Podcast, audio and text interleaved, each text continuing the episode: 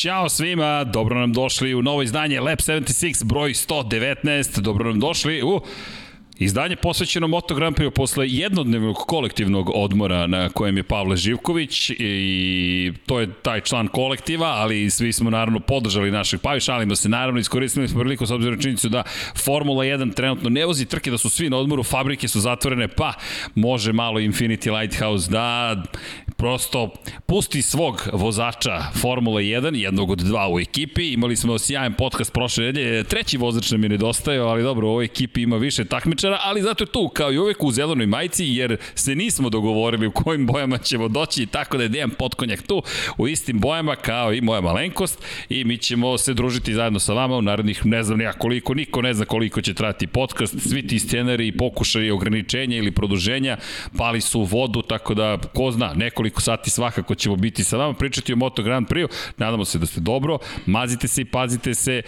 Vozite računa jedni u drugima, naravno pratite Lab 76, udrite like, subscribe, šta god želite da nas podržite, kupite majice naravno infinitylighthouse.com kroz shop, a lepe vesti za početak, Stigle su nam knjige, Werner Hefliger, kao što smo i obećali, je čovek koji izdaje svaki godine rezultate, sve rezultate u istoriji Moto Grand Prix, kada je reč o 125, 255 stotina kubika, to je Moto 3, Moto 2, Moto Grand Prix, tako da ćete uskoro moći da ih kupite takođe na našem šopu i iz perspektive znanja, zaista enciklopedija, da ne kažemo Biblija rezultata, jeste zaključno sa 2022. godinom, ali naučili smo kako se uvoze knjige u Republiku Srbiju i sada imamo možemo da ih prodajemo, pa i da ih izvozimo uskoro, bit će spreman i web sajt, nadam se da ćete uživati u tome, spektakularna je knjiga u pitanju, samo ću vam pokazati, mada naravno da ćete moći baš da vidite iz te daljine, ali ovako izgleda, na primjer, dve trke i stanje u šampionatu sveta, svaki šampion ima svoju grafičku, jel te, svoje grafičko rešenje,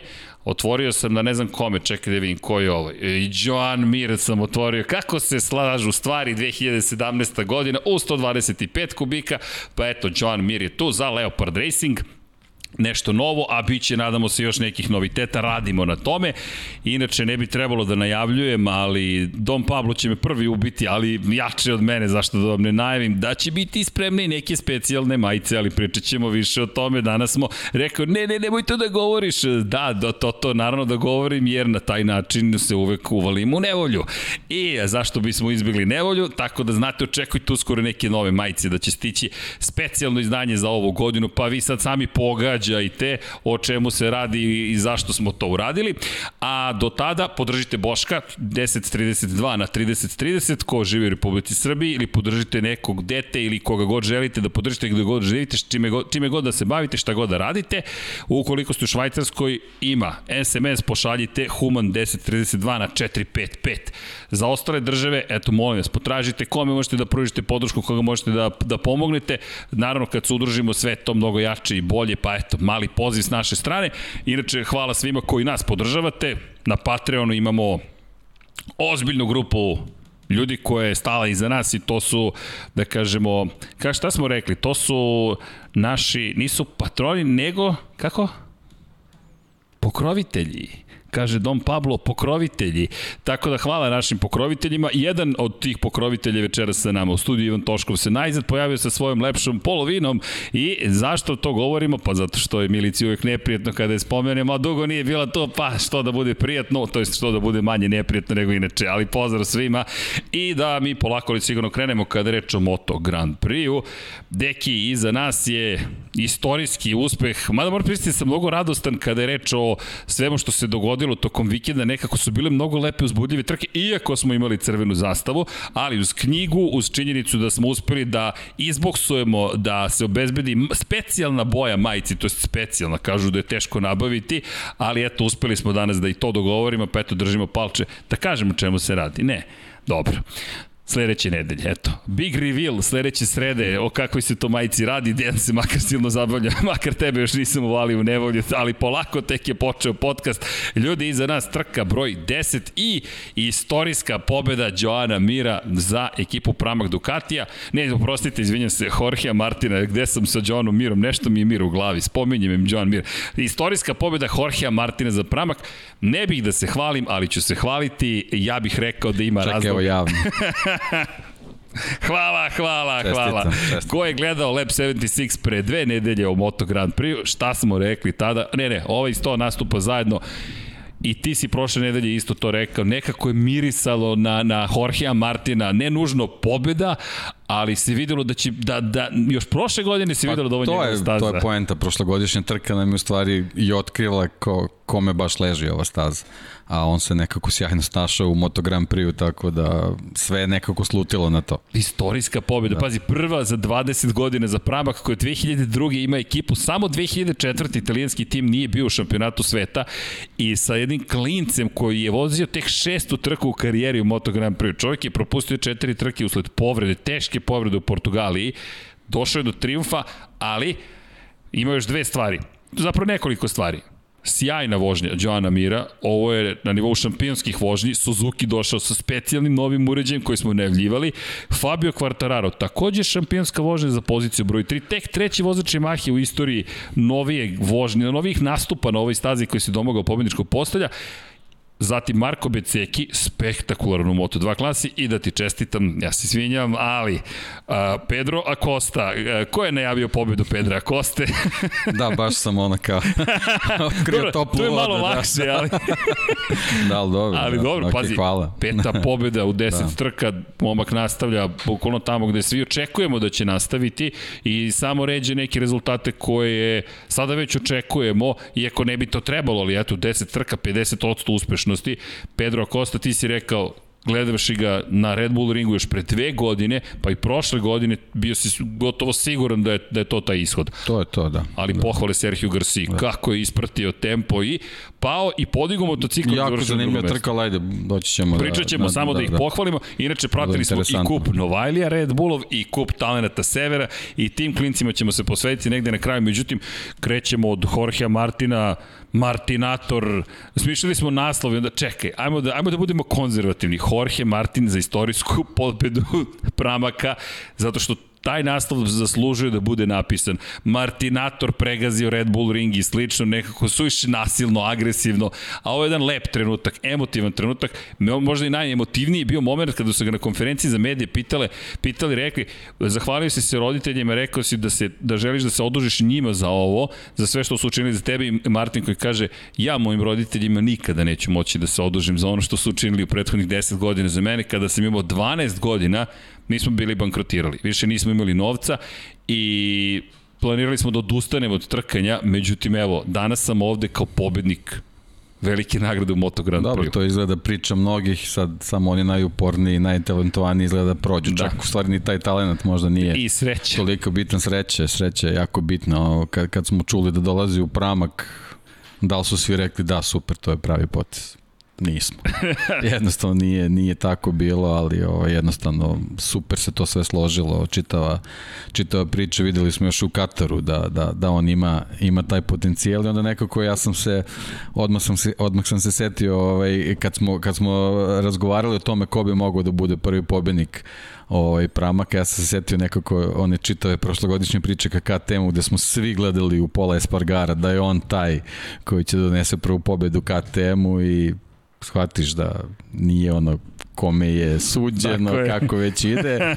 ovaj, i, I pomislio sam na to i, i eto, nekako se, nekako se desilo. Zarko nije taj koji je koji je donao prvu pobedu Pramak. On nema ni, ni pobedu da. za sebe, nema ni za Pramak. Čestitao je, lepo je vidjeti Ržana Zarka, Zarko koji je došao i rekao evo Ruki čestitao i rekao je mene to motiviše da budem ja još bolji, a to potvrđuje ono što sam govorio, da Ducati, to su njegove reči, možda parafraziram, ali to je gotovo pa citat, ali od uvijek sam govorio da ima ogroman potencijal za bitku za pobede. Ma ne samo to, ono što si ti spomenuo i, i, i tokom samog prenosa, ne, nešto Ducati ima potencijal, nego što Pramak izgleda mnogo bolje od fabričkih Ducatija to je to je u stvari glavni utisak uz naravno pobedu Jorge Martina, ali Zarko ali je drugi nastup, u šampionatu nastup sveta. Pramaka je fascinantan. Zarko zaista. je i dalje na poziciji da. broj 2 u šampionatu sveta. Fabrički vozači, recimo da se nisu proslavili. Jack Miller drugi pad za redom, drugi pad za redom za Australijanca. Greško je napravio prema njegovom priznanju u momentu kada je pokušavao krivini broj 8. Desna strana pneumatika mu je lošije funkcionisala i taj izlaz iz dve leve, šesta, sedma, zapravo on je u, a, ono što je meni fascinantno, on je u pripremi za odlazak na desnu stranu, u, u, dok je bio nagnut na levo izleteo i rekao je, stalno sam bio tik uz kvartarara na prirodskoj krivini broj 9. Međutim, u tom momentu sam hteo taj delić sekunde koji mi je potreban za bolji izlaz u tranziciji na desnu stranu. Nije ni stigao do desne strane, izletao sa staze rekao nemo, nemo, ovo teško mi pada ovo, pošto sam bio u borbi za plasman na pobedničko postolje i zaista je bio tu uz kvartarara, ali to su sada, to je već sada niz izgovora. S druge strane je Francesco Banjaja, samo da podsjetimo, početak trke, nažalost, opet obeležila crvena zastava i dramatičan incident Danija Pedrosa. Ima puno junaka u ovoj trci. Dani Pedrosa na kraju osvojio ne, ne, ne malo šest poena, deseti je bio u ovako konkurentnom Moto Grand Prix šampionatu, međutim prvi, prva trka Početak je obeležen opet incidentom u krugu broj 3. Dani Pedrosa u krivini broj 3 na stazi koju poznaje, ne da poznaje, nego na svaki ped. Ili rekao je, taj prosto teme krivine prevoj praktično i kada sam bio nagnut na desnu stranu, gasom krenuo sam da se ispravim da podižem motocikl, međutim samo sam ostao pod tim uglom i počeo da se okrećem, nikad u karijeri mi se to nije desilo, samo sam ovako okrenuo, nažalost Lorenzo Savadori napravili, naleteo na njega, eksplozija, požar, čišćenje staze, opet dramatične scene. Da, ta, taj požar je u stvari doneo, ovaj, dramat, doneo, ovaj, doprineo toj dramatici, međutim poenta je da se Savadori povredio, mislim to je ono što je, što je, što je najgore, najgore od svega, taj požar onako više delovao spektakularno nego što je nešto ovaj, bio, op, jedino smo se plašili bio da ozbiljan, da, ali ono, ono što je i Kračlov rekao kad je prolazio u tom trenutku, pošto je prvi najušao, nije bio svestan da, da li se neko uopšte nalazi u tom požaru, to je ono što je, što je taj trenutak onako baš učinilo dramatično. Da, da, ali opet nekako, ali da. istini za volju. I to je Karl Kračlov rekao, iako staza polako sti, stiče reputaciju veoma opasne piste i nije da je ne zaslužuje, ali Ovakav incident može da se desi i na drugim mestima. Moja pretpostavka tokom prenosa je bila da je ograda koja je postavljena kako bi zaštitila od eventualnog doletanja motocikala ka krivini broj 3 sa bočne strane na izlasku iz krivine, da je doprelo tome Kračar rekao nije. Mi smo mogli dalje da vidimo, prosto je to početak trke, to je ono što smo videli u moto dvojkama, svi pokušavaju da izbegnu Pedrosu, Pedrosu koji je rekao da se uplašio, ozbiljno se uplašio, Srećom svi su ga izbegli, Salvadori jeste pa, na motocikl. svežo je još tragedija Jest. Milana, a u principu to je to. to Pad sa motocikla to. i, i pokušaj bega van staze, van staze. nažalost. To je to, je to da gde motociklisti bukvalno u tom trenutku to je milisekund, jednostavno ne znaš kako da se ponašaš. Tu su najranjiviji. I to je stvarno, stvarno onako baš, baš trenutak onako za, za ozbiljno razmišljanje, ali ti jednostavno nemaš vremena da, da znaš kako da, da se postaviš u, u, u, ovaj, u, na pravi način. A, a poenta sa, sa Red Bull rigom, to što si rekao, to može na bilo kojoj stazi se desi, a ovde je veliki problem što je verovatnoća raste upravo zbog tih krivina gde je ovaj, jako velika visinska razlika i zaista ima mnogo tih slepih uglova gde jednostavno to je zaista ono delić sekunde da, da stigneš do, do, do neke tačke gde se desilo nešto, a da, a da se ne vidi možda u krugu Krivina, 20 metara maksimalno. Broj 8 u da. Portimao, to ono da, što smo imali primjer, sa Kaneom, da, kada da. Pro, prosto izađu i pređu preko prevo i te kada pređu vide čoveka kako leži na stazi, to je, to je, to je milisekund. Kojeg inercija vuče, bukvalno ne može da ustane. To da, je, inercija to još uvek to je, da, to je čak još onako možda, možda i, i nezgodnija situacija. Ali srećom... Ali srećom, da. Ali ono što si rekao, jednostavno, eto, treća trka za redom tamo da polako postaje da. neprijatno i, da. i to ono što smo rekli, postavili smo pitanje pred početak prenosa, hoće li, hoćemo li opet dobiti crvenu zastavu? Nažalost, odgovor je bio da. I tu kada se skupi prosto toliko loših situacija, reputacija je nešto što će se teško promeniti. Ono što je problem, i to je Karl Kračlov rekao tokom vikenda, Bio sam na sigurnosnoj komisiji, ne posećam ih često bezbednostnoj komisiji prošle godine kada su organizatori obećali izmjene na Red Bull ringu. I nije problem sama staza ove godine, već to što je neko dao obećanje da će promeniti stazu, to se nije dogodilo. Vozače Moto Grand Prix dočekala identična staza, Da, fantastična organizacija, sve čini da, da ih obezbede, ali dali ste reč, rekli ste da ćete učiniti nešto da ovo funkcioniše bolje. To se nije desilo na kraju. Opet smo došli u situaciju da mi zapravo pričamo o tome da Red Bull ring je imao crvenu zastavu. Ali, da, da konstatujemo, nije bilo ozbiljnih povreda, jeste Lorenzo Savadori polomio nogu, neće nastupati ovoga vikenda, nije ni vozio u toj drugoj trci, mada je prva zapravo obrisana.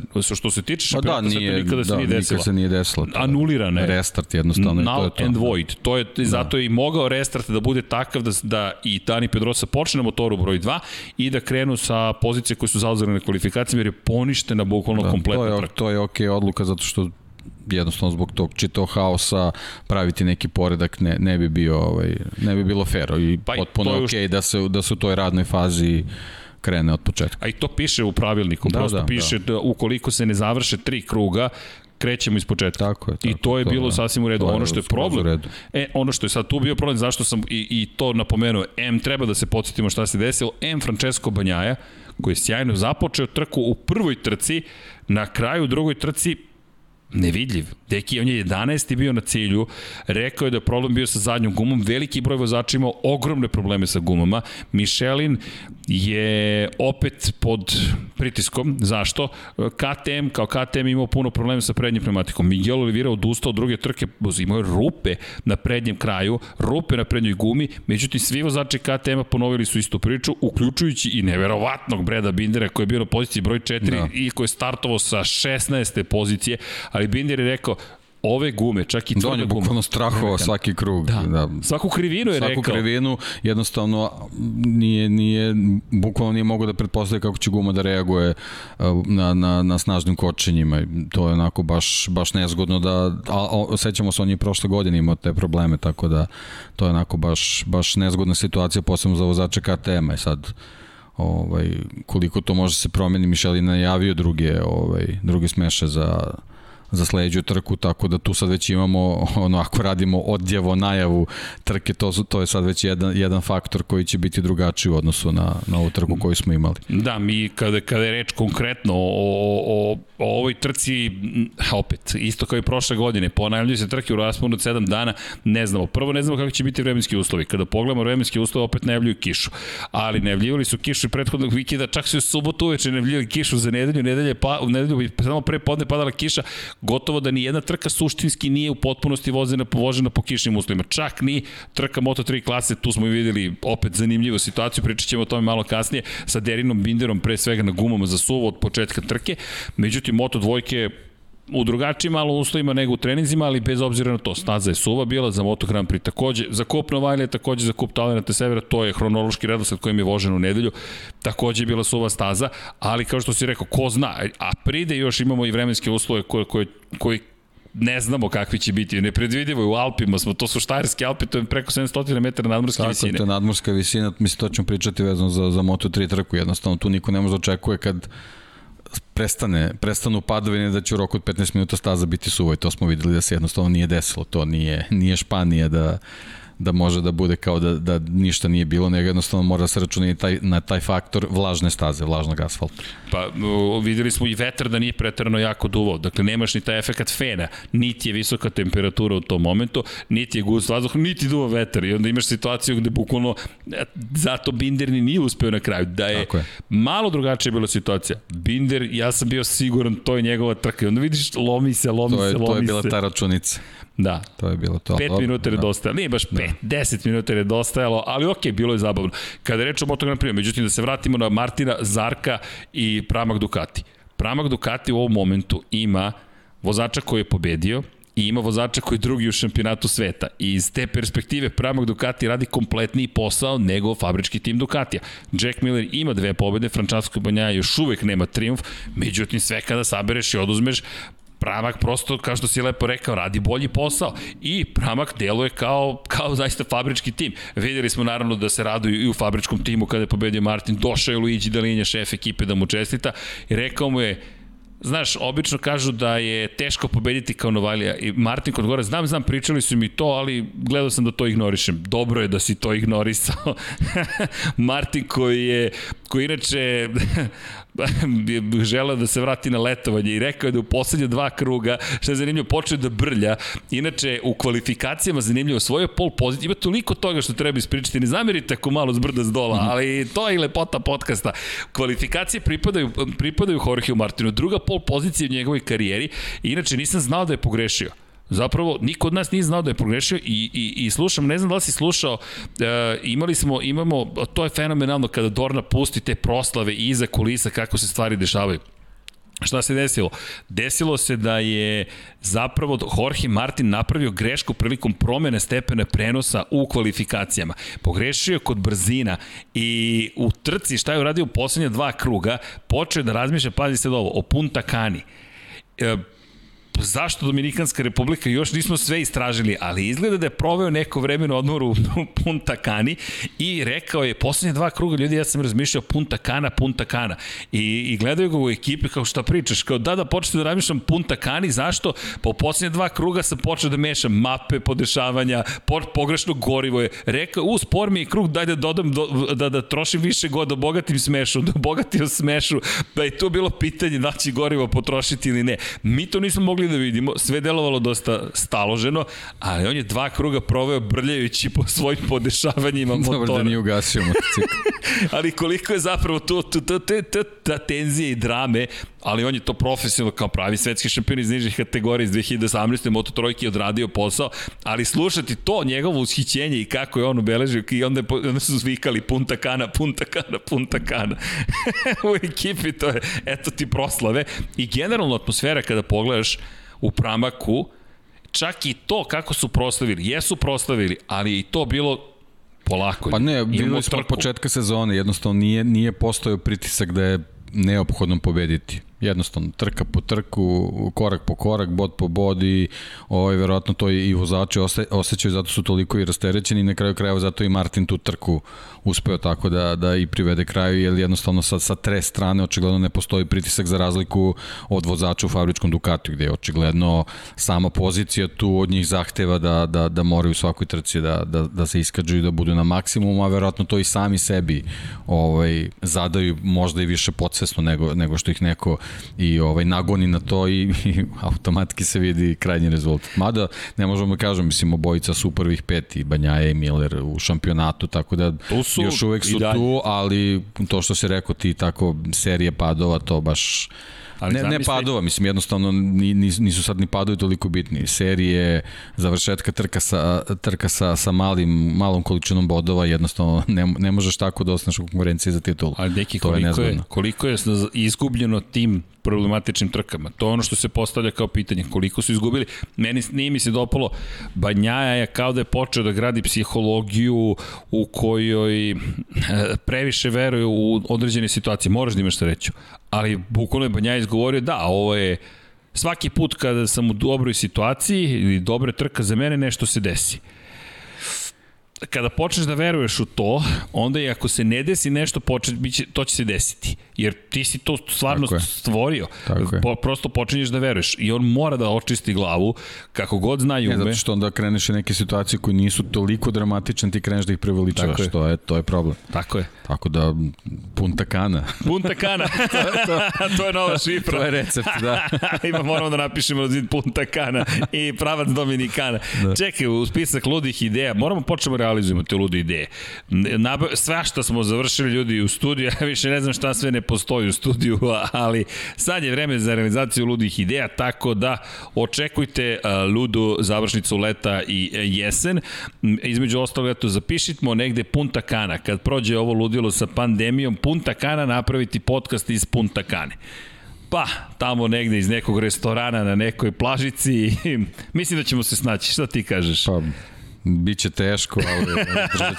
Ovo je bilo u trenutku inspirativno, da, ali da, potrebno im je punta kana i deluje kao da je ozbiljna tenzija u, u fabričkoj ekipi, ali to donosi fabrička ekipa, to je lepota vožnje za satelitski tim. To je prednost, mana je što ipak kada si u fabričkom timu dobiješ A to je ona čitava priča kad smo govorili da li je dobro da Zarko, da li treba onda da bude u fabričkom timu, da li da li je, ne znam, za Millera to dobra pozicija i tako dalje. Jednostavno vidi se, vidi se pritisak koji, koji ovaj, taj crveni motocikl donosi, to je... Malo ko to može da, da podnese. Da, to Pazi. je...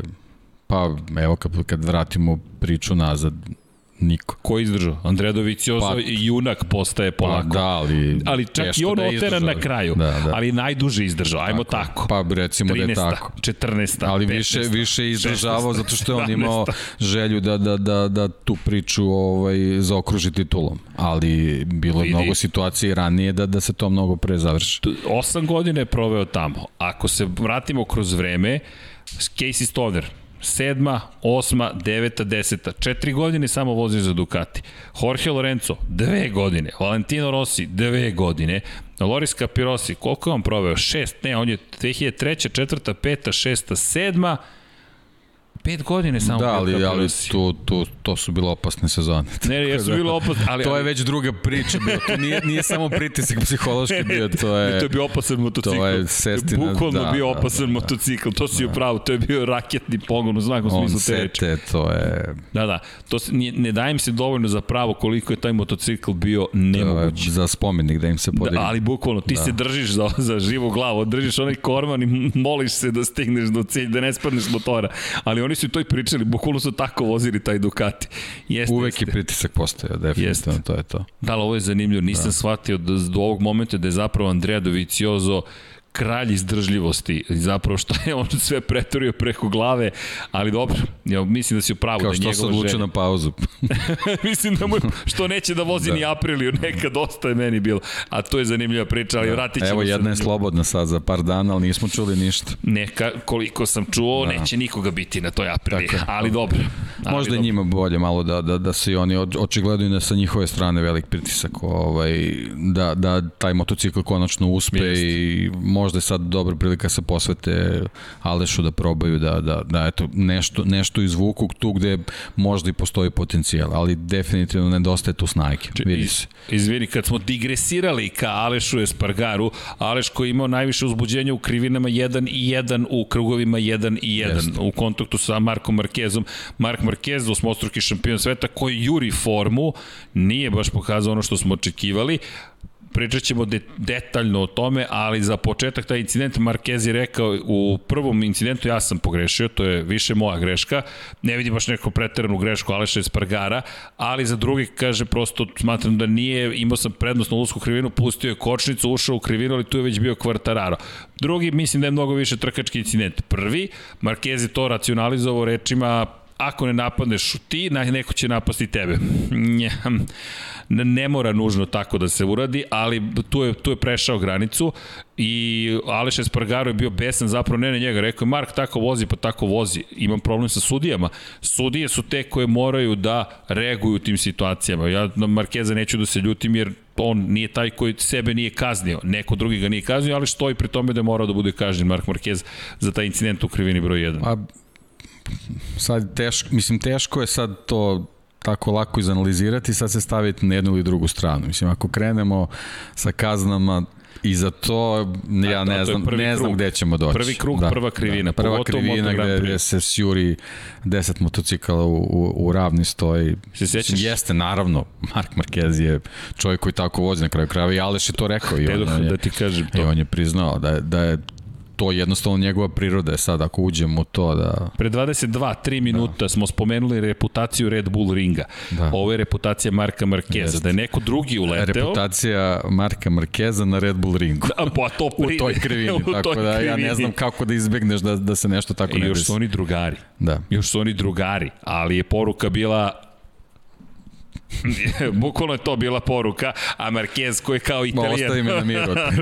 Ajde, ba, pusti. Da, da. Ali, ali Marquez isto tako odgovorio, pa dobro, Kvartarar udario mene u krivini broj 6, pa se nisam bunio. Ali meni Ne, dobro, to, ovo je baš onako delovalo bilo je, bilo je eksplicitno. to baš je je bilo bilo, jasno. Da, ali mislim, ne, ne znam, stvarno ne znam kako bi se postavio sad da, da, da, da ovaj, Možda posle pretegneš trke na jednu sesti sa drugu. njima, ne nužno Pa kazna, jeste, ali da, ali- ajmo ljudi da, da. povedemo računa. Ali To ko, me dovodi... ko garantuje da na sledećoj trci već u toj krivini se ponovo deki. to neće desiti. Vratio Tako sam da... se u formu, znaš gde sad ide ova digresija. Ao, znaš kada ćemo se da vratimo na Joana Mira i, i da. Fabio Kvartarara, za jedno pola sata ćemo napraviti tu petlju, ali ne brinite, sve ovo ima neki smisao, to sam ponavljao u prvim podcastima, jer to ti dobra rečenica, jednog dana će dobiti smisao, spojit ćemo ga, nemamo scenariju, ali kada već spomenješ pitanje komunikacije, sudije su uvele dva nova obeležja na na instrument tabli za vozače Moto Grand Prix kategorije, mada mislim da će biti primenjeni na niže kategorije, za komunikaciju tokom same trke. Uvedeno je po, na osnovu onoga što se desilo sa Fabijom Kvartararom u, kat, na trci za veliku nagradu Katalonije, kada mu se otvorio, bukvalno raj svršilo na zaštitnom kombinezonu, uveli su poruku, lampicu bukvalno, koja govori da vozač ima problem sa svojom ličnom opremom. I objašnjenje je bilo zapravo Dornino da je nemoguće poručiti vozaču da je tehničke prirode kvar s motorom, jer to nije tačno, nego je oprema i vozač će imati dve opcije, ili da uđe u garaže, da mu ekipa pomogne da to namesti, ili sam da namesti, ali istog trenutka kad dobije tu poruku mora da popravi šta god da ne funkcioniše. Šta god odluči. Tako ili, je, ili, da. Ili, ili, ili mora da se skloni, ili će biti diskvalifikovan. Vrlo je crna zastava, vrlo je jednostavno pravilo.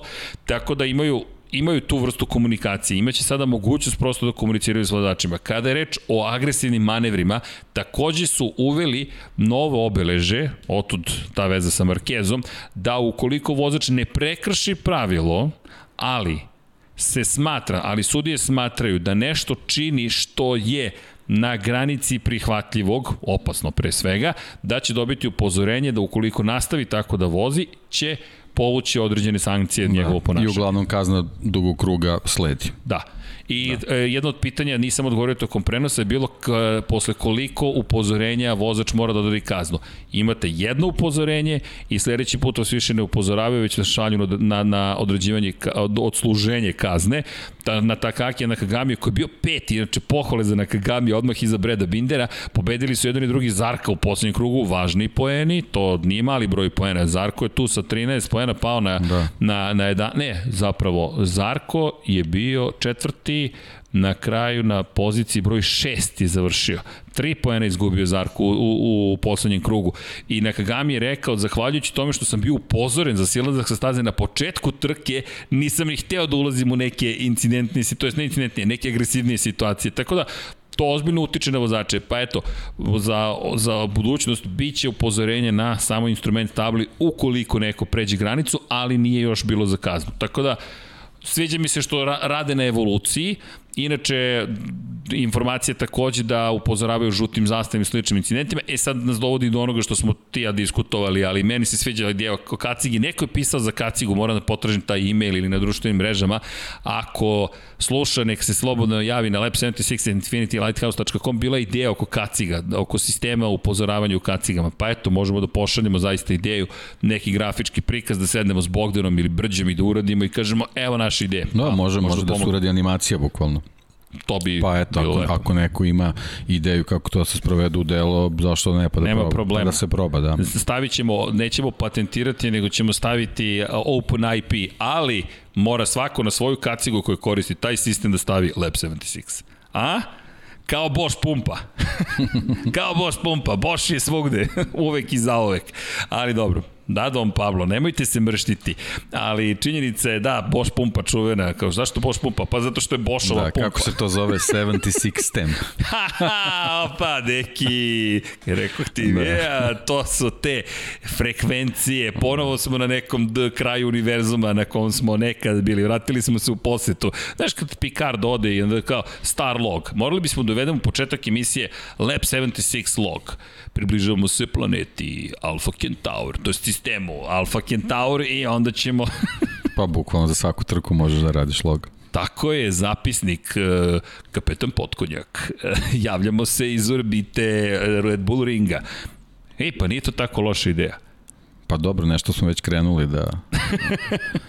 da ovaj, razmišljamo na, na, ja, na to da te kratke foto. Ja, deki, ja vidi, vi kako to, to, to je ta zelena majica, pazi. To je to. Pozdravio nas je Sebastian Vettel, nažalost Sebastian Vettel diskvalifikovan je sa velike nagrade Mađarske. Ima još šansi Aston Martin nešto da učini ili budimo realni. Ne, ovo je za Johnny Reo i 200 ti podijum. Jel to 200, to? 200 ti 201 podijum. Johnny Rea, dobro, ovo je, da. ja, e, svi smo mi pomalo Sebastian Vettel, svi mi znamo sve, sve šampione Formule, pi si, pi si gledao? Kako zna sve šampione Formule 1? Ja sam samo sam pao tamo nekada na Deni Halmu bih sigurno pao, mada moram ti priznati e, do 87. 6. to, to je okej, okay, to, to nije Ja sam problem. negde do 2000. Te, posle Stvarno? novi milenijum me oh. ubija, to ne, ne mogu da složim katastrofe. Stvari Šumacher je kriv. Aha, Šumacher je kriv za sve. Da, tu, je, tu me poremetio potpuno. Dobro je da niko nije napisao knjigu o Šumacheru, da. na primjer, pa... Zato postoji knjiga. Sve što nema zapamtiš, zapiš. A ti, za, ti pa, si da. celu knjigu napisao u to ime. Pa za one koji ne znaju, crveno, crno, da. a i tu smo napravili jedan važan korak. Dejan Potkonjak i ja sutra, nadam se ili ovih dana, idemo u knjižaru. Važan troskok. Važan tro... E, nisi primetio? A, Deki nas inspirisao. No, da se vratimo mi trci na Red Bull ringu za veliku nagradu Štajerski ili Tištirijan Grand Prix. Gde smo, gde smo stali? Gde smo stali? Pa tamo kod Markeza, Aprili i tako dalje, da. su nam se ređale prosto te situacije. Da, ima dosta noviteta i za sledeću trku, međutim, da se vratimo na pobedničko postolje. Da, Jorge Martin, posebno jedan moment, prva pobeda u karijeri, šesta trka u karijeri, prva za Pramak, međutim Pramak koliko god da je slavio, je već bio fokusiran na sledeću trku. I Martin je rekao, moram ti priznati da mi djeluje vrlo ozbiljno i za sledeću trku, da li može do pobede. Pa i sam je rekao, ljudi ovde takve, Mir je rekao, ljudi, nijanse ovde odlučuje, pa i Miller. E, samo jedna stvar, kada, i Luka Marini takođe, koji se nije video u drugoj trci, u prvoj uopšte nije bio loš, sitnica jedna potpuno može da poremeti na kraju poredak stvari. A ono što je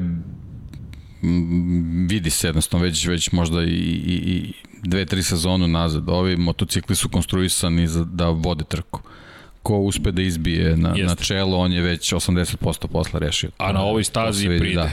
Tako da, eto, ta, ta prva krivina, pa da kažemo do treće, to je ono što je ključno. I da se vratimo da. ono što si rekao, ukoliko bismo krenuli sa kaznama sada, nema kraja. Mislim da su da. prva tri kruga kritična. Zaista. I još veći su mi uspesi i Maverika Vinjalesa i Fabija Kvartarara iz perspektive toga kako su se vraćali pred kraj trke na početku sezone i uspevali da pobede. Malo drugačije konfiguracije staze, ali pohvale. Kad spomenuh Maverika Vinjalesa, Vinjales imao je najbolji start u karijeri, prema njegovim rečima, rekao da to je moj najbolji start ikada u prvoj trci, koji se nije pojonovao u drugoj, rekao ne znamo zašto, u stvari znamo zašto, promenili smo kvačilo za start u drugi trke, onda mi se motor ugasio na startnom poredku, pa je startovo iz pit lane-a, a onda U četvrtom, petom i šestom stepenu prenosa mu je proklizavala zadnja guma. Nije imao pojma zašto je, rekao je, dosta surov komentar, rekao je, ne znaju zašto mi je proklizavala guma. Ali dobro, to je uobičajeni odgovor ok, i, i sad Maverick koji je rekao, ja nisam ni blizu svog potencijala, ali naredne godine ću pokazati moj puni potencijal, onda će se vidjeti zapravo gde, jer ja hoću da dam ne sve od sebe, nego uvek da tražim granicu. I eto, Maverick koji je bio, Dobro. koji... Samo reklama i, i ovaj pravi trenutak za to, tako da... Da, ali okay, posebno zbog baš... tog prvog starta. Pa dobro, navikli smo tu njegovu komunikaciju i to ovaj, da, da ti neko minut posle trke kaže da ne zna šta se desilo, može i to da se očekuje. Jednostavno treba se analizira. Znači, ako je menjano kvačilo, mnogo nekih drugih elemenata može da utiče na, na, na proklizavanje.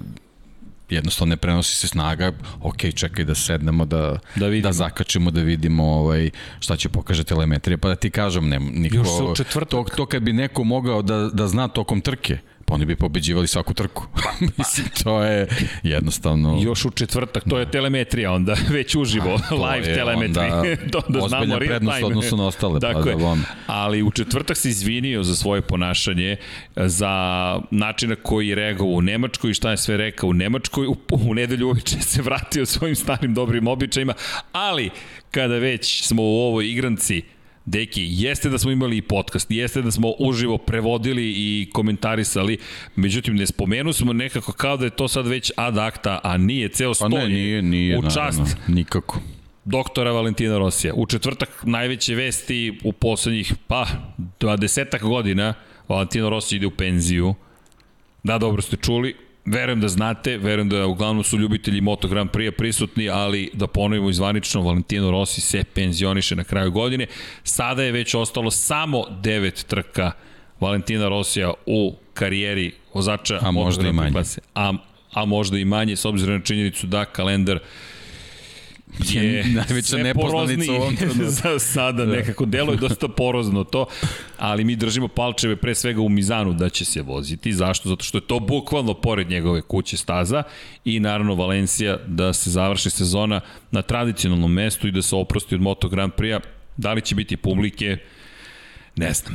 Iskreno ne znam. Držim palčeve da će pre svega zdravstvena situacija dozvoliti da bude publike, to bi bilo blago Pa da se generalno zaboravi cela ova priča, to bi bilo super. To bi bilo super. To bi bilo, to bi bilo super. super. A onda, onda da kad, kad razgovaramo o doktoru jednostavno da, da sve ono što je zaradio i zaslužio tokom karijere da, da se vrati bar kroz te trke da će moći na pravi način se oprosti od publike. Vidi, i da. neko je postavio pitanje, čak mislim da smo preko Petrijana dobili pitanje koje smo, koje smo, ko, koje, koje negde sam, ajde, ja sam izbacio spekulaciju, bukvalno u etar, ne zamerite, ali to je možda moja želja, spekulacija svakako, a to jeste, da li će možda e, sledeće godine Valentino Rossi sesti i doći u Muđelo za jednu oproštenu trku. Iskreno, ne znam, pozdrav za, za za sve koji nas podržavaju preko Patreona i, i, i, i za sva pitanja koje postavljate, svi koji nas podržavate, udrite like inače. Kogod da je tu, udrite like, To je, to je igranka već stara, dobra, poznata sa YouTube-om, a i da nije sa YouTube-om lepi osjećaj kao, dobro je, ima mnogo lajkova, a i da ima dislajkova, to smo isto rekli, like i sve je u redu. U svakom slučaju, pitanje jeste bilo, da li će se desiti, zaista ne znam, ali me ne bi iznenadilo, Inače, Valentino Rossi, Tami Gorali je prenala tu informaciju sa izraelske televizije 5, da je tokom vikenda rekao Valentino Rossi, jedan od razloga zašto ekipa VR46 nije jurila da potpiše ugovor sa Yamahom, rekao je, prosto sam smatrao da to ne bi bilo pristojno. Ja vozim za Petronas koji ima ugovor sa Yamahom i da iza leđa radim Petronasu na tome da do, potpišemo ugovor sa proizvođačem motora s kojim oni sarađuju, smatrao sam da to nije u redu. Prosto nije pošteno. So, Znajući da Yamaha ne može da napravi šest fabričkih motocikla. Tako, pa četiri možda čak. Pa dobro, da. da, ja da budem četiri bi, da, četiri, četiri bi bilo onako baš iskorak. Da, ozbiljen iskorak. Ozbiljen iskorak, ozbiljen tako da neki je ta još, dva, još dva če, oh, oh, da. to je zahtevno. To je. Ali, tako malu fabriku kao Yamaha, pa, to je da. stvarno ozbiljan napor. Da, dobro je da Ducati ide proizvodi osam. Ali dobro. Ok, u svakom slučaju, pohvale za Ducati, eto, Ducati nekako sposobio svoje pogone, pa će imati 8 naredne godine, ali otud je Valentino Rossi potpisao ugovor sa Ducati. Ha, ok, pošteno. 16 za oni koji možda ne znaju, u motociklizmu imati dalje na raspolaganju i rezervni motocikl. To smo videli kod Danija Pedrose, kod Samuraja koji se vratio na stazu. Kako je bilo dobro gledati Eneu Bastianinije, kako se trka sa Danijem Pedrosom. I samo razmišljam, šta li prolazi Enej kroz glavu? Ali je super stvar, pričali smo, izvini sad. Ne, ne, ne, sve Čekaj, okay. Čekaj, zapamtim Eneu. ovaj, pričali smo o kadrovima. Koji kadrovi trebaju da budu? Dobro. Od 4-3 smo pogodili. Da, da, 3 smo pogodili. Da. Ali... Jedan je bio Miguel Oliveira. Jeste. Ničim izazvan.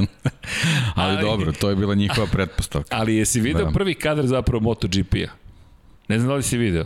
Prvi kadar je bio toko Moto3 treninga. Ja to nisam vidio. da, to, nisam to su nas sve iznenadili da. i samo svako sedeli i gledali, ok, prvi kadar je ovo, ovo je ubačenje i bio je Olivera, ako mi sećanje dobro služi, kao ok, pobednik prošlogodišnji. Pa da, kapiram da je to ali, kao bio ali, razlog, ali, ali čekaj, toliko stvari ljudi, od koji su ljudi. bili kao najava. Rossi se penzioniše, da. Pedrosa se vratio, Krančlo menja Franka Morbidelija, Kako je bilo? Bilo je... šampionatu. Uh, bio je Rossi, Jeste. Pedrosa, Oliveira, Oliveira Mir. Mir, tako, tako je.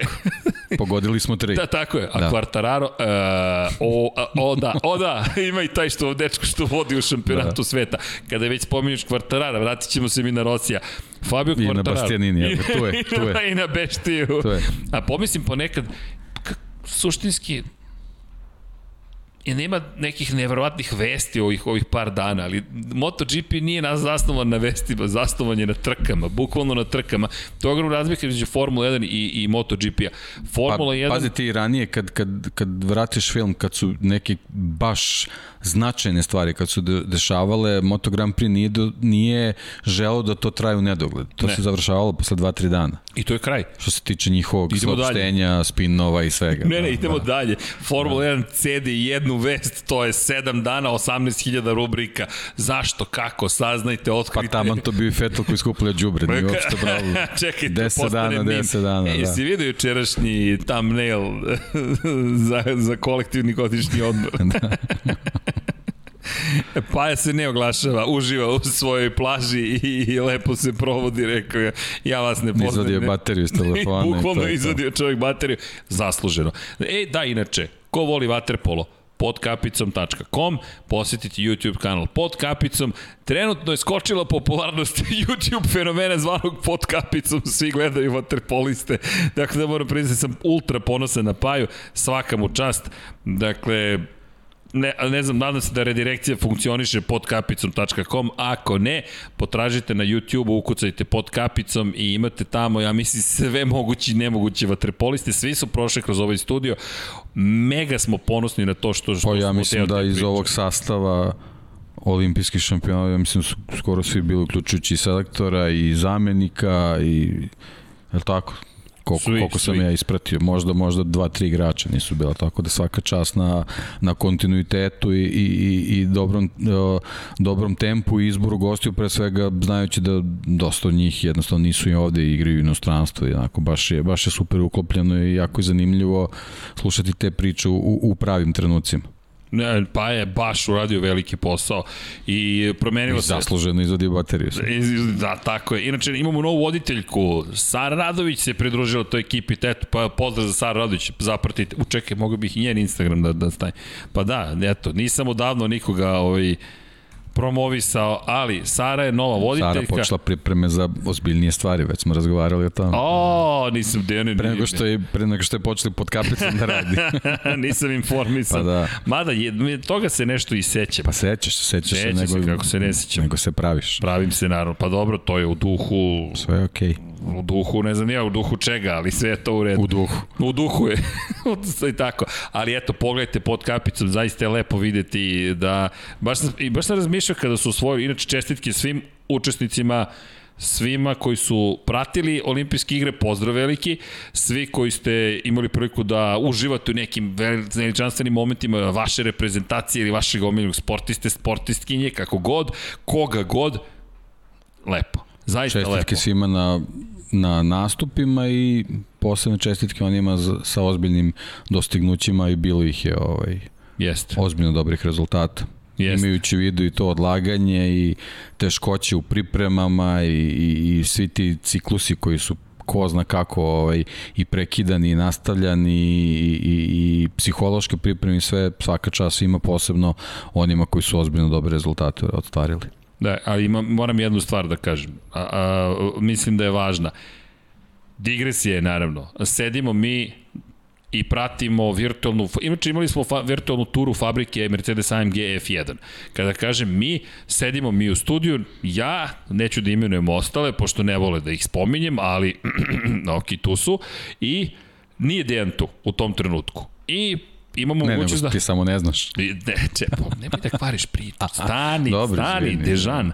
I, Nisam ovde. Tako je, nisi ovde u studiju. I sad mi, izlazi pitanje, čovjek pita, čovjek pita, čovjek zvani Dežan.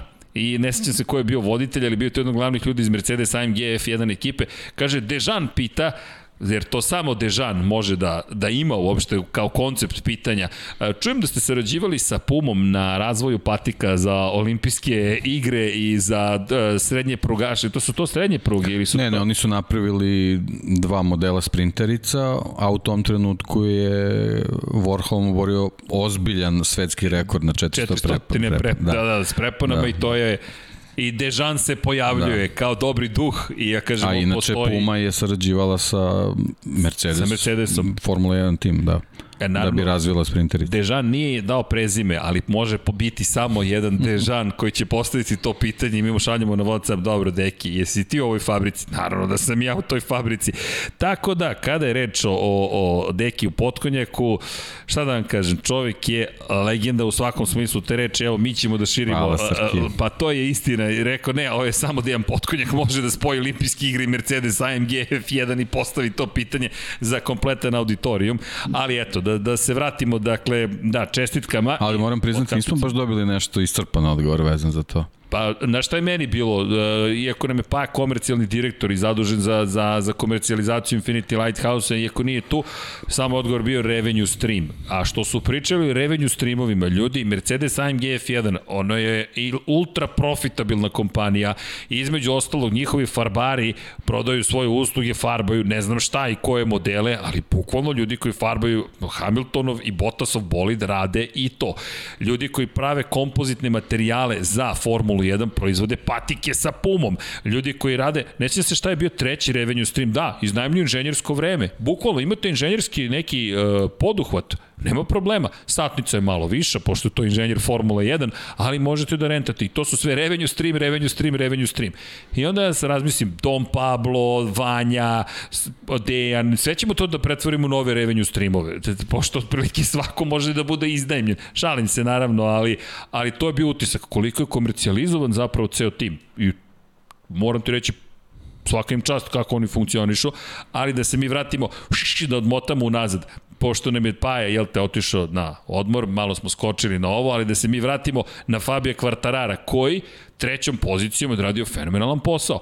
Pobedio je Jacka Millera, pobedio je Joana Zarka, pobedio je i Francesca Banjaju to upečatljivo. Jedini koga nije pobedio, ko možda dolazi i vraća se u igru, dalje Batmanovski moment, bilo je mračno u Suzuki-u, ali čekaj, ko se pojavio u garaži?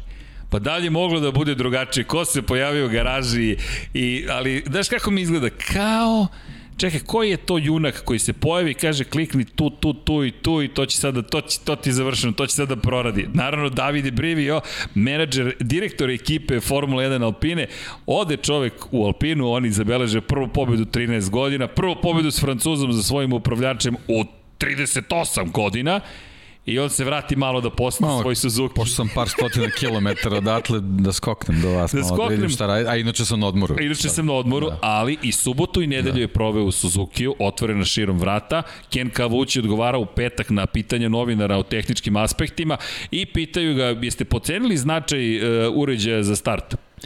Možda jesmo. Hvala.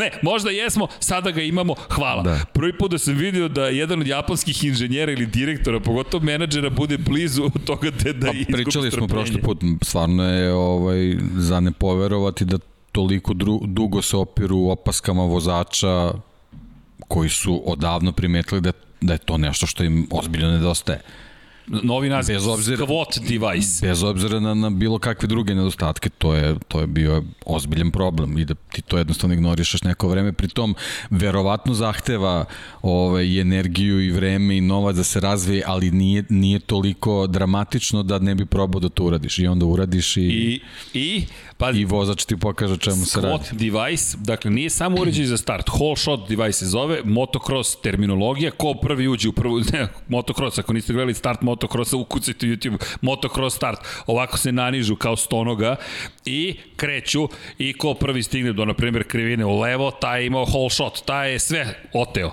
To je, da, zato se zove whole shot. I to je uvedeno, Ducati je krenuo to da uvodi pa, da bi imao bolji start. Pa otprilike to ti sad i Moto Grand Prix, ko prvi, prvi krenu u trku, A, vidiš, to je to. I pa, dobar da. naziv. E, I sad, šta, šta, šta su uradili? Ducati je napravio sistem gde se spusti zadnji kraj, kao Citroen nekada, spusti se i ti kreneš, oslanjanje bude, samo se očvrsne oslanjanje i pun gas ideš i gled, Martin, Banjaje, kako im skaču motori, pong, pong, pong, ti ne znaš šta se više pali, gasi, šta se sve otkačilo. Inače, Karl Kračlow je slomio uređaj na prednjem točku za start. Uspeo je da ga slomi i Krašo je rekao, ja sam slomio start device na prednjem točku i vidim da sam 5 sekundi iza svih, ali nisam odmah shvatio zašto, pa polako nežna je to mašina, a nije slomio u drugom startu, ali bio zadovoljan. Elem, Ducati je to uveo za start trke. Onda su vozači i inženjeri, naravni mehaničari, počeli da misle, čekaj, a šta ako ti to počneš da primenjuješ i na izlasku iz krivine? Ti sad ne dodaješ samo gas, nego ti sada ispuštaš zadnji kraj, kao što smo videli na izlasku iz krivine broj 10. Kod Mira je to bilo očigledno, on izlazi, izlazi, izlazi, tu traži oslanjanje.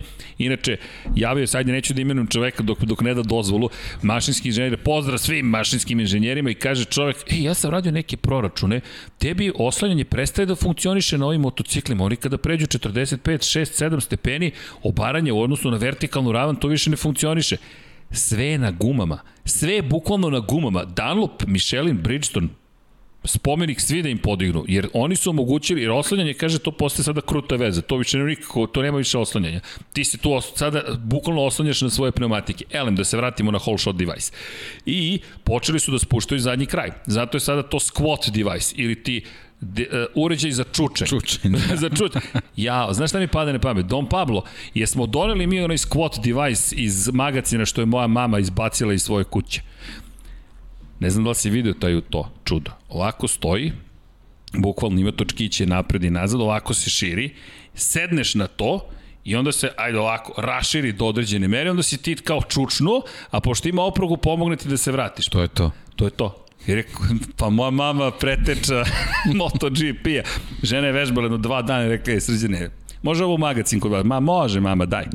Tako da je to, eto, imamo squat device u magazinu, ali bukvalno čučne motocikl. Šta je uradio Mir? Mir je oduševljen bio toliko u petak, to jest u subotu, da su, imam utisak da su mu rekli, ne znam, polako, polako, nemoj da otkrivaš sve. On je oliki osmeh, najzad nasmeni John Mir i u kvalifikacijama najzad među vodećih pet i u trci spektakularno rekao je to je nije bio za, testiran. Za trku je nekako ono, kad, kad razmišljamo o prošloj sezoni, on je u, u jednoj od one dve trke imao priliku i za pobedu da nije bilo crvene zastave. Tako jest, da jest, jest. njemu isto ova staza je okej, okay, ali kvalifikacije su mnogo značajnije. Ali nije nijednog trenutka da. trep, nije, nije delovao loše. Nije delovao kao da se namuči da dođe do pete pozicije. Delovalo je kao da tu prosto pripada i da je to brzina. I u prvom, i u drugom, i u trećem treningu, i u četvrtom treningu tempo za trku, u, u, u jutarnjim zagrevanjima i po kiši, sve je funkcionisalo.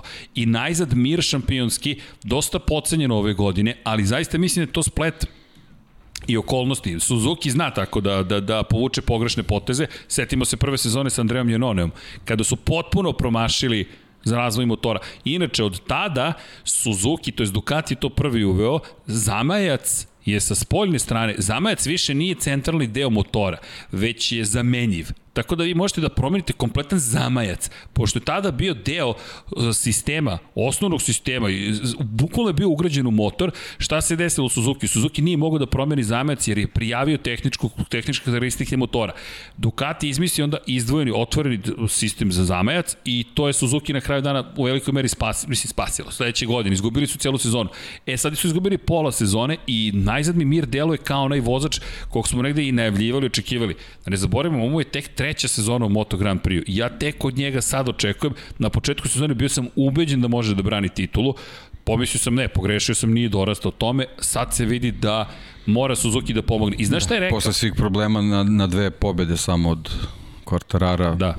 To je... A, Nije a, znaš kako, pošto već pričamo o Markezu, da, da je on u mogućnosti da se nađe u vrhu, tek onda o, o Miru trebamo da pričamo na taj način. Ne, mir, mir mi deluje mnogo stabilnije. Marquez, Ma, naravno, posebna ne, to, priča. Pa, to smo prošle godine videli smo kako funkcioniše. Tako da. Abakus Mir, tako da, smo ga pozvali. Da, Bukvalno, da. ja mislim da on u trenutku rekao, molim, još pet poena i da rizikujem se. Ne, ne, ne, ne, ne, ne. Martine, proslavi svoju pobedu, ja bijem neku drugu bitku.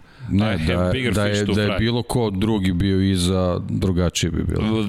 Mislim da si, da, da, da Da je Quartararo bio ispred, ok. Jorge Martin je imao, imao je ovaj, sreće. E, bukvalno. Da. Bukvalno imao sreće. Da, da se ta osoba nađe iza koja je bila iz... koja, je, koja, da. koja uopšte nema nameru da ulazi u taj rizik. E, prosto takav tip vozača, takav tip šampiona.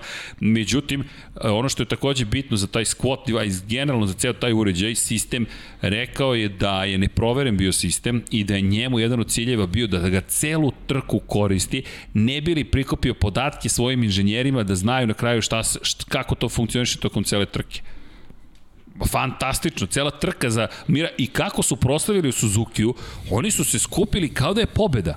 Oni su ovako kružili mira i slavili tu drugu poziciju. I ja duboko verujem da su oni napravili onaj čuveni breakthrough, da su oni se, da su probili jednu ozbiljnu barijeru i tehnološku i samim tim psihološku i rezultatsku sada i da su sada spremni to.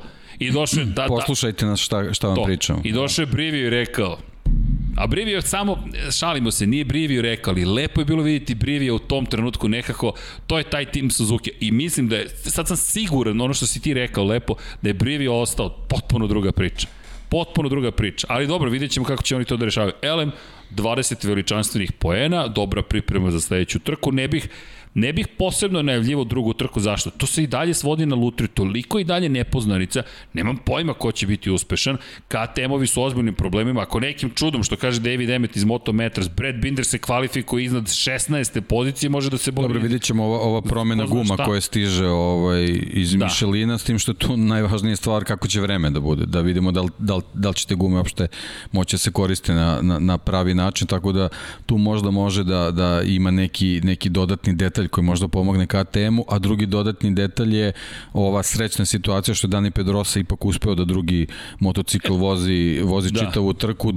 Ono što su najavili da su tu neka tri elementa koje se testiraju, da li se testiraju za Red Bull Ring ili za nešto kasnije, ako je za Red Bull Ring, eto možda možemo da vidimo neku promenu i bitna stvar uz, uz Bindera je što će Oliviera biti malo fizički spremni, ali ne smo da, da zaborimo na ovu, ovu trku, ipak nije vozio dovoljno spremno. Da, u prvom treningu ugasila mu se kontrola proklizavanja i samo ga je lansirao KTM, pri čemu na 40 na sat ga je lansirao, ali opet podsjetnik koje su zapravo to sile u pitanju i dočekao se nažalost na, na zglob desne ruke, povređen je bio, rekao je, u subotu me zaista bol, u nedelju pre podne je već bilo bolje, ali pošto je padala kiša nisam znao kako će se ponašati iz globu trci. Na kraju je bilo sasvim u redu iz perspektive da, bola. Da, ok, osim da eto gume te, da, guma je već Prednja problem guma, napravila. Da. Olike rupe smo bukvalno imali. Da, to su komadi koji su otpadali. Nije prvi put da smo to videli. Da, ali generalno, pošto se samo njemu to desilo, sad Jeste. ne bi trebalo da se uzme da je, da je čitava ta smeša u, u, u nekom problemu konstrukcijskom, nego eto jednostavno taj, taj primerak. Bukvalno sam to da. htio da kažem. Da, izvin, ja go, ne, ne, ne, što se izvinjam, što to ti je, mi, mi više ne moramo ni da se dogovaramo. To sam veza postoji, ali to je to, Mišelin je potvrdio, samo kod njega se to desilo. Mada, mada, mada. Ima tu mnogo zanimljivih priča, imao je problem konkretno, nekoliko ljudi je imalo problem. E, znaš šta, znaš šta mi je fascinantno? Kada pričamo o gumama, e, Paul Espargaro, danas vozač Repsol Honda, koji je rekao za sebe na kraju da je za njega bila sramota na kojoj poziciji se nalazi u trenutku kada je, kada je vožena trka. Pole Spargaro je čovek koji treba se bori za, za pobede, za plasmane na pobednička postoja. Pole Spargaro nije osvojio niti jedan jedini poen na ovoj trci. Pole Spargaro je bio toliko loš da gotovo možete da se zapitate da li je vozio trku. Nažalost, Pole Spargaro, 16. pozicija, 31 sekund iza pobednika, iza Ikera Lekuone se našao, iza Luke Marinija, iza Valentina Rosija. Dakle, fabrički vozač Repsol Honda je iza čoveka koji otišao u penziju jer je rekao da više nije dovoljno brz. Čisto da stavimo stvari u perspektivu, a Rossi koji je rekao i da se trkao s ljudima sa kojima je verovao da će se trkati i zadovoljno je bio drugom trkom, rekao je da da loš na startu, imao je tu probleme. Da, on isto imao dobar start u prvoj prvi, trci i onda se onda onda restart Sve poništeno. da restart nije bio baš Ali baš dobar. Da se vratim na Pola Espargara. Pola Espargaro koji pazi sad ovo, nije imao rezervnu gumu za trku broj 2. Čovek koji je prošle godine, čisto da se podsjetimo, pre 12 meseci vodio u trci prvoj na Red Bull ringu na KTM-u, kada je obustavljena prva trka istaknute crvene zastave, seo je na motor i nije imao srednje tvrdu gumu, samo mu je ostala meka guma, koja je se, koja se toliko brzo potrošila da on nije mogao više da bude konkurentan. Onda je plan za sledeću trku bio da se sačuvaju srednje tvrde gume, makar jedan set, ako se desi crvena zastava desila se crvena zastava i imao je... Što je velika verotnoća će se desi na Red Bull ringu Tako je, i on sada, pazi sad ovo, nije imao ni jednu novu gumu za drugu trku. I sedeo je na početku trke na gumi staroj pet krugova, I onda je rekao, ja nisam imao novu gumu i onda samim tim sam ja proklizavao sam i na startno ciljnom pravcu, što se desilo i Vinjalesu, i nisam to nikada u životu doživio za mene ovo po, po, po, prosto ponižavajuće da budem na toj poziciji. Ja imam problem sa time. Ja dek imam ozbiljan problem sa time. Kako možeš da budeš vozač bilo koje ekipe Moto Grand Prix, kamoli Repsol Honda, da dođeš u situaciju koju si već doživeo na istom terenu, na istom mestu i budeš u još gorem položaju nego što si ikada bio. Sada ne da nemaš ni e, rezervnu mekšu gumu, nego nemaš ni jednu, re... kako, kako možeš da odradiš takvu, a pritom imao si, jedan, imao si dva od pet treninga po kiši. Pritom idemo u, sledeći trkački vikend gde ponovo možemo da imamo restart. I da li, ho, ponov, da li ponovo nećeš imati... Ne razumem. Da li, da li sad bilo koji od vozača Moto Grand Prix se za sledeći trkački vikend priprema tako da ne kalkuliše potrebu da mu ostane jedna rezervna guma ne, ne nova može. koja god, ne samo da bude ne, ne, ne iskorišćena. Ne može, moraš da imaš novu gumu. Luka Marini imao novu gumu. Luka Marini je i rekao, nažalost, kako sam izašao, šta ti sad procedura brzog restarta? Nema zamene guma ako ti se ne sviđa. Oni kada izađu iz pit lane tek mogu da shvate da li je dobra guma. Imao je problem sa gumom Luka Marin. Rekao imao sam gumu koja eh, ona sama po sebi nema nekakav problem. Meni nije funkcionisala i kaže ja sam identičan tempo imao u prvom i poslednjem krugu, osvojio je neke poene, ali rekao žal ostaje za tom prvom trkom. No, ne možete da promenite. Pole Spargaro vozi za Repsol Hondu I nije imao rezervnu gumu, a to je kritika njegovom glavnom inženjeru. Kako možeš da dozvoliš da, da, da tvoj vozač nema gumu? Ne, to mora da budu kalkulacije. Bolje da kompromituješ nešto vezano za, za kvalifikacije i treninge nego da ostaneš na Red Bull ringu bez, bez rezervne gume za svaki slučaj. To je nemoguće. Meni je to frapa, to mi je na, možda i najfrapantnija informacija koju, koju sam morao da obradim. Slušam šta govori, razmišljam da li je ovo moguće. Nažalost, moguće je. Nažalost, moguće sebe dovesti u situaciju, ali okej, okay, zato nema ni jedan jedini poen. Inače je bio samo 9 sekundi iza Kala, ispred Kala Kračlo. I skoro 15 sekundi iza Marka Markeza. Pride koji je imao katastrofalnu trku broj 2. Da. Koji je imao katastrofalnu da. trku broj 2. Ne, ne, izvini, pogrešili smo. Znaš koliko je bio Pole Espargaro? Ne, upravo si, 15. Pa tako, tako nešto. 14 i po, da, da. da. Da, da. 15 sekundi, da. Skoro duplo više. A Marquez imao stari katastrofalnu trku greške, greške, greške i a iako je na, u prvoj delovo da može na pobedničko postolje, druga mislim da je ovo ključna trka bila iz te perspektive snova o Da, i možda, možda jednostavno preagresivan bio. Jes, da, ja mislim da je 100% sam siguran da, da je preagresivan.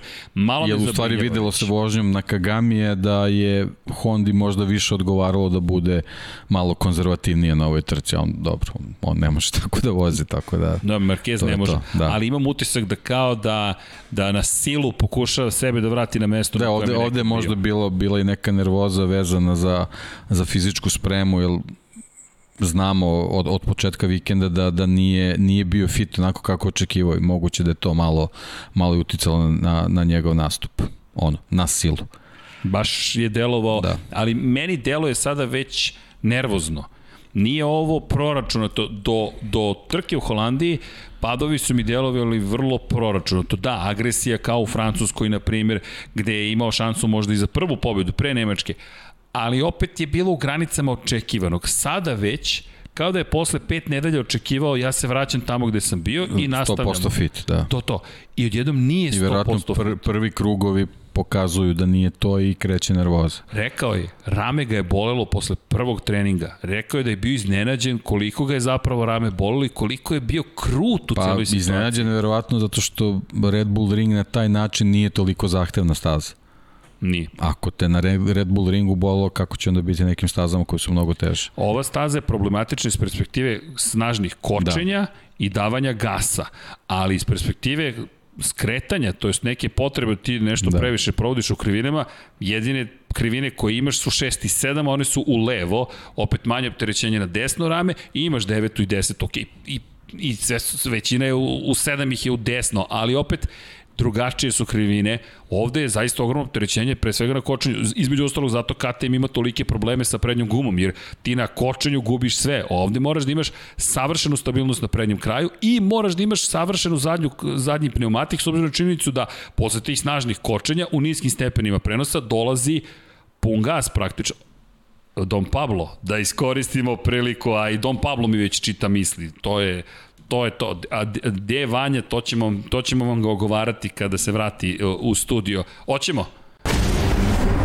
A sada, nešto što smo propustili prošle nedelje. Prempo, najsnažnija tačka kočenja. Ovo je važan podatak, ne zamerite prošle nedelje, pa i mi smo se tek vratili sa raspusta, iako Deki rekao najzad počinje vrelo leto. Pogledajte obeleže, vrlo snažno kočenje, very hard. To je najsnažnije obeleže za kočeni sistem krivina broj 1 je najsna, mesto gde se najjače koči. Dakle, ovo je izlazak iz krivine broj 10 dolazimo do, do mesta gde imaju preko, idu preko 300 km na čas. Nije najbrža tačka, ali u 96 metara se smanjuje brzina, negativno ubrzanje 1,5 sila zemljene teže, preko 200 km na čas se ovde izgubi, 1,62 sekunde traje taj period kočenja i opterećenje na kočnicu je 6 kg. Mi govorimo o stazi koja je jedna od najzahtevnijih temperatura. Diskova je 820 stepeni Celzijusa.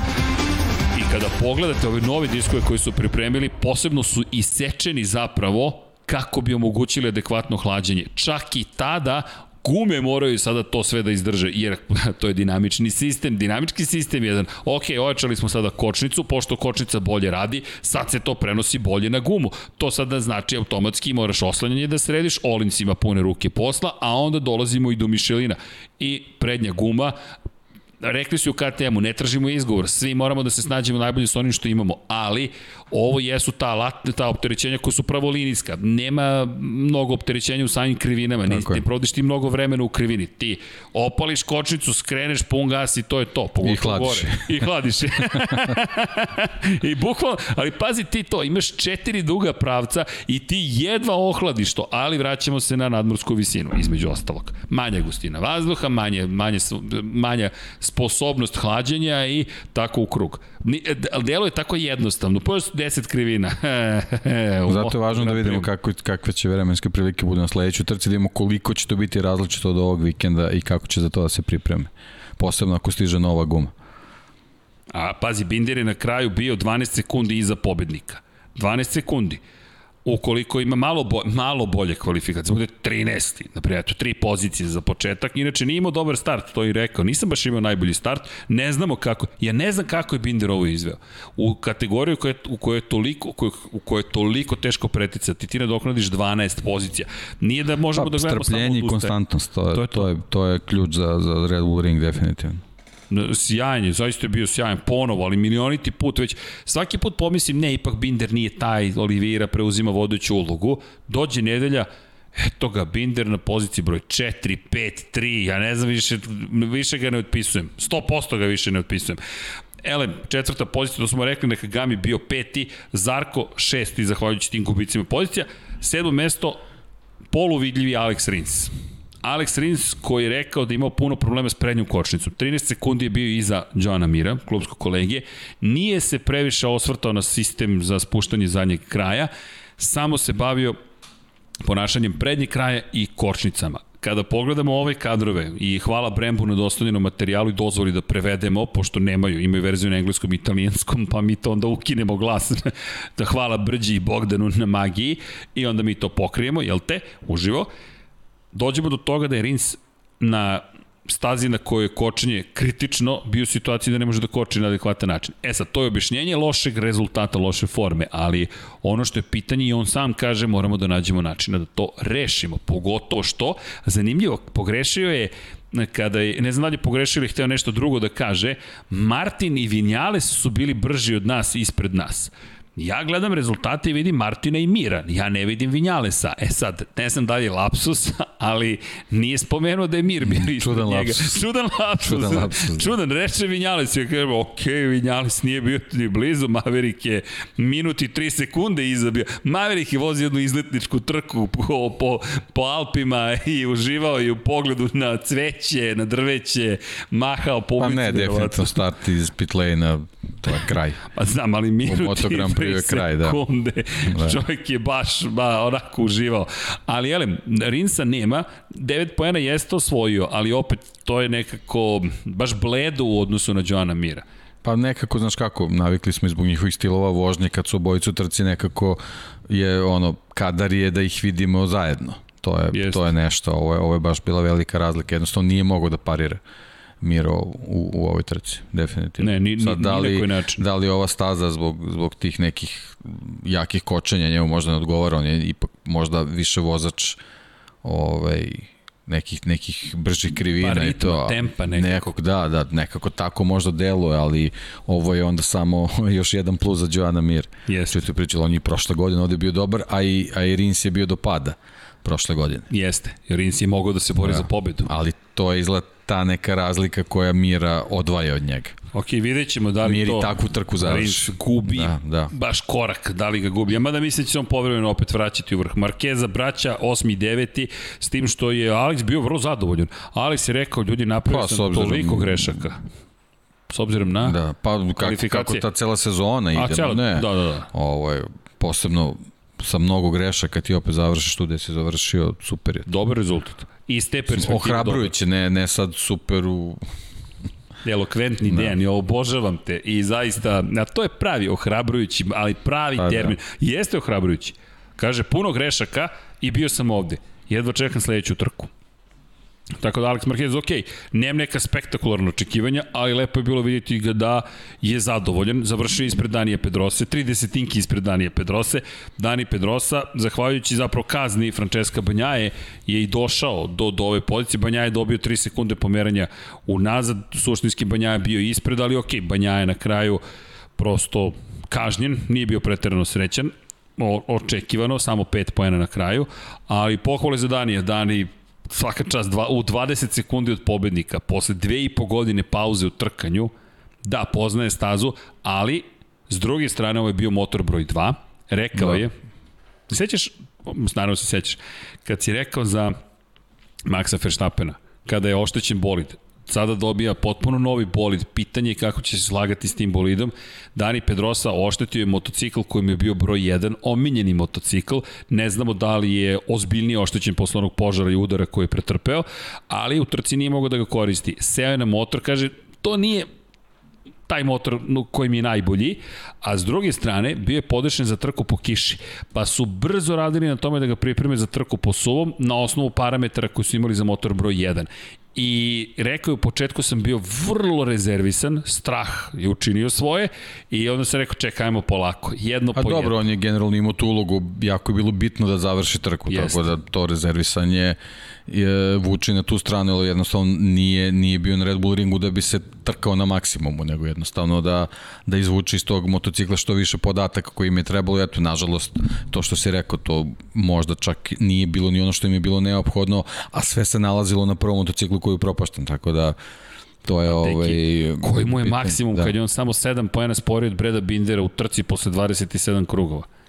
Voleo bih da znam da koji je pa, dan je maksimum. Ne, ne možemo da znamo, jer to je taj motocikl treba da pruži koji se zapalio. Ja, to mi je, morate priznati, prvo mi je najžaliji zbog Savadorija, ali tako bih voleo da smo videli šta je tu. Da, još dan imao isto dobar start, ali dobro. U svakom slučaju, deseta pozicija svaka čast i dolazimo do Ha, ha, ha, do Ene Bastianinija. E, gospodin Potkonjak, da. izvolite. Pa ne, ovaj poredak pokazuje sve, on je samo jedno mesto iz Banjaje. To je, to je dovoljno. Da, to, dovoljno. To je dovoljno. Da. Na starijoj ovo, ovo je da, ovo je neki njegov zaštitni znak ove ove pozicije, ove završet, završeci trka i to je nešto što ga kvalifikuje za sledeću sezonu jednostavno da pokazuje kao aktualni šampion da mu je mesto ovaj, u ovoj čitavoj priči, e sad opet je to onaj faktor, bolji motocikl, jednostavno da bude konkurentniji pa da vidimo u stvari koliko može. Ali on iz trke u trku pokazuje jednostavno da, da zna kako se osvajaju bodovi u Moto Grand Prix. Ne, bio je, bio je ponovo na jednom zavidnom nivou, ali zaista zavidnom nivou. Tako da, iz moje perspektive, jedna od vožnjih dana svakako je bilo pogotovo kad uzmemo obzir da je izgubio prolazak u Q2 deo kvalifikacija, nagazio za centimetar zelenu površinu, agonija, ali zaista mislim da nešto treba da urade po pitanju tih kazni. Zašto? Nije problem samo kazna, ali mora da bude adekvatna onome što ste učinili, grešci koja je učinjena Ne znam kako to da reše, ali ovo je pa baš... Pa ne, znaš, za, za, neke, za neke krupne stvari dobiješ 3 sekunde, na primjer. A za, za eto, to gaženje kao obrišati se čitav trud, za pa čitav trud koji si ovaj, obavio u tih par kilometara jednostavno nestane zbog, zbog nekih par milimetara, zbog nekog paljanja senzora koji se aktivira na ovaj ili onaj način, mislim, ne znam. jednostavno ja još od prošle godine ta, ta zelena površina me onako boli. Ali, alergičan sam. Ali Martin koji je izgubio da. pobedu, evo vidiš, da. ove godine na istom da. mestu da. nekako pun krug je obavljen, a s druge strane, pun krug, doći ćemo i do njih, mada je lep uvod, ali dobro, vratit ćemo da. se. Marko Beceki koji je nasledio pobedu, punopravna pobeda ovoga puta, čisto da se zna, ja ovde mogu da pobedim i bio je briljantan celog vikenda. Naš dragi kolega Aleksandar Đankić, koji polako li sigurno planira da počne da nam se pridružuje tamo negde srane jeseni, makar su to najave, da li to znate kako, nikad se ne zna. To je, ve, već počinjemo da se pitamo gde si Aleksandre, ako ovo slušaš javi se. Ali Luka Marini, iza, to je, a nije Bastini, pa Valentino Rossi, 3 poena, rekao je manje više ono što sam i očekivao. Nada se da će u nastavku sezone u završnici svoje karijere ipak imati bolje rezultate nego u prvom. U prvom delu godine mučili su se s gumama na početku trke i to u prvoj trci su bili bolji nego u drugoj, ali opet to su prosto okolnosti u kojima se našao. Najveća vest svakako jeste da se ide, ide u penziju. Ja vam kažem ljudi, ako možete, znam da veliki broj ljudi ide sada već za, za Austriju, Red Bull Ring broj 2, i želim vam lep provod. Ako neko od vas putuje, uživajte u svakom trenutku, za koga god da navijate, ne navijate, ako idete samo da vidite šta je to, da osetite atmosferu, nećete pogrešiti. Šteta što i ovaj vikend nije mogao da bude takav, ali okej, okay, sada ovaj vikend iskoristite ga, mislim da će najzad biti pune tribine, koliko sam shvatio, baš mnogo ljudi putuje, kupujte suvenire, iskoristite priliku, mi smo naručili, nažalost ne idemo, ali tražili smo neke suvenire koje nam nedostaju i onda u spisku smo ustanovili dosta toga nam nedostaje, ali Dani Pedrosa nam treba KTM-ov, treba nam Aprilia, treba nam Mir, treba nam Ducati. To su nedostajući elementi. Mada, da li imamo Yamahu ili imamo Lorenza iz Yamahe i Rosija iz Yamahe? Imamo Oakley, one naučare, zapravo, zapravo nam i Yamaha nedostaje. Imamo jedan kački Trepsola. Deki mi ništa nemamo zapravo. Ja mislim da mi ništa nemam. Par zastav, ne, ne, ne. ne Prazna ne, ne, kuća. Prazna kuća, vreme je da se osveži, o, da se osveži situacija. Da, evo sad pogled kao da ne zaboravimo, majte, slažem se, zastava Niki Hejdena, Marka Markeza, ali ta zastava nije naša, to, to je dalje pozajmica, ali dobro, pravimo se ludi. Zaboravite da sam to rekao, pozdrav za Minu, ali dobro, idemo dalje. E, Elem, da se vratimo na stazu, Pole Spargara spomenuli, Karl Kračlow može biti zadovoljan što učinio, Danilo Petrući i Kirlekona. Ostavio sam ih za kraj planski, M je Danilo Petrući bio poslednji, ne računam Maverika Vinjalesa, pošto zaista kalendar je potreban bio za Maverika ovog puta. Iker Lekona, Danilo Petrući doživjeli su baš ružnu situaciju. KTM smo mnogo hvalili za načina koji radi sa svojim vozačima i načina koji komunicira i vodi račun o njima. Međutim, Deki, zanima me tvoj komentar, tvoje mišljenje. U subotu, u tokom treninga broj 4, KTM izdaje saopštenje da je Raul Fernandez novi vozač teh tri ekipe. Danilo Petrući i Iker Kona su se nadali da će zadržati svoje pozicije. Nije bilo automatski da je Iker Lekona dobio otkaz, nikoga nije otpustio, ili Danilo Petrući da je dobio otkaz kada je potpisan ugovor sa Remy Gardnerom. Kako su sišli sa svojih motora u kombinizonima, su pozvani u kancelarije KTM-a da im se saopšti da su otpušteni. Danilo Petrući je besan bio zbog načina na koje je to učinjeno, mada je rekao, znao sam kada su prestali da mi se javljaju na telefon, što mi je takođe vrlo neprijatno iznenađenje. I Kirle Kone bukvalno dečko briznu u plač i, i nije mogao da vere da, da se tak na taj način opraštaju, da li je pretpostavljao, verujem da jeste, ali baš jedna čudna situacija, ima i pozadina, menadžer prema pisanju i The Race-a i Motometras i drugih medija koji su prisutni bili, menadžer Raula Fernandeza obezbedio pola miliona evra, zahvaljujući interesovanju Yamahe, Lin Jarvis, generalni menadžer Yamahinog trkačkog odeljenja, je izrazio želju, to je dobili su potvrdu da su spremni da pokriju pola miliona evra, klauzulu kojim se otkupljuje ugovor od KTM-a, koji traje još jednu sezonu, potpisan je na tri godine, pre početka prošle sezone, Moto3, Moto2, sada Moto Grand Prix, tri kategorije u tri sezone, Međutim, postoji i klauzula koja kaže ukoliko KTM obezbedi Moto Grand Prix sedište Raulu Fernandezu, nema pravo otkupa ugovora za tih pola miliona i u momentu kada je njegov menadžer došao da saopšti da imaju pola miliona i da završi formalnost KTM izbacio saopštenje, čime je aktivirao klauzulu zadržavanja Raula Fernandeza. Raul Fernandez je na pitanje Dazana, treći put kada su ga pitali o situaciji i, i konkretno ga pitali da li si tamo gde želiš da budeš, da li ćeš biti tamo gde želiš da budeš, rekao je ne, ali neka ostane na tome. Ponovio još i da ponekad stvari ne budu onako, nisu onako kako želite.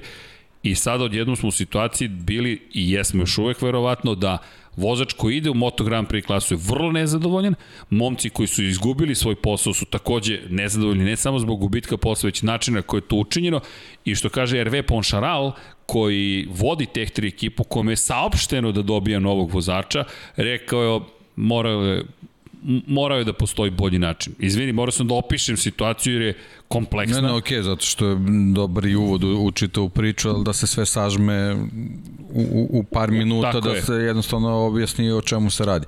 Pa mislim sve sve si sve si ovaj opisao i objasnio, ali a, sve što si opisao ne uklapa se onu našu priču o KTM-u kako funkcioniše. Da. Ja jednostavno nisam nisam očekivao da će tako da da ovaj da se sve završi, a i po reakcijama vozača vidimo da ni oni jednostavno o, o, zbog tog čitavog okruženja kako KTM funkcioniše nisu očekivali da će to da se desi, ali verovatno su se malo nespretno i oni ovaj e, našli, to jest ne, nespretno su rešili tu situaciju u kojoj su želeli da po svaku cenu zadrže Raula Fernandez, koji je definitivno nova zvezda i oko koga će su stvari voditi te čitave priče u, u nekim prelaznim rokovima u budućnosti.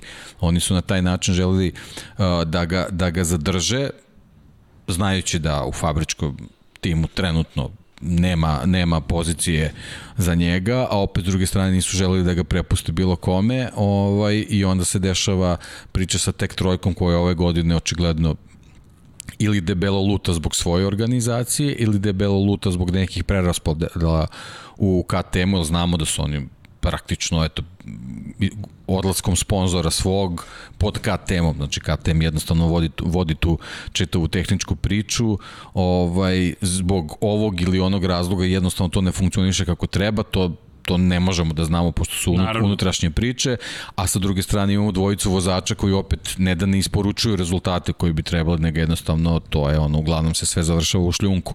Sad, opet je, je priča da li je to samo zbog njih, njihove forme, uh, njihovog potpunog odsustva konkurentnosti ove sezone ili opet sa druge strane te loše pripreme čitave ekipe ne možemo da znamo, ali na osnovu te njihove reakcije oni su verovatno očekivali da se nešto promeni, a ne da se nije promenilo, nego jednostavno je kraj.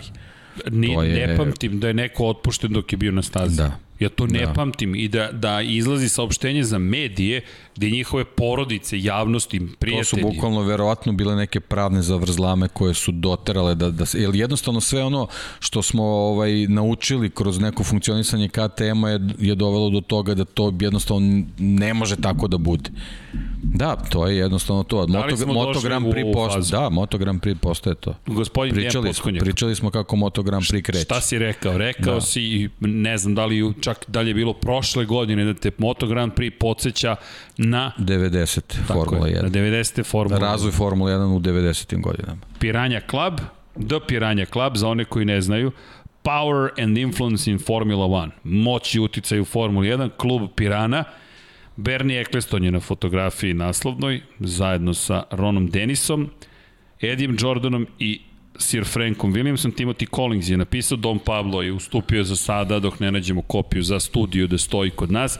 Zašto je važna ova knjiga? Zato što opisuje kulturološku promenu u šampionatu sveta Formule 1 kada su se pojavile pirane.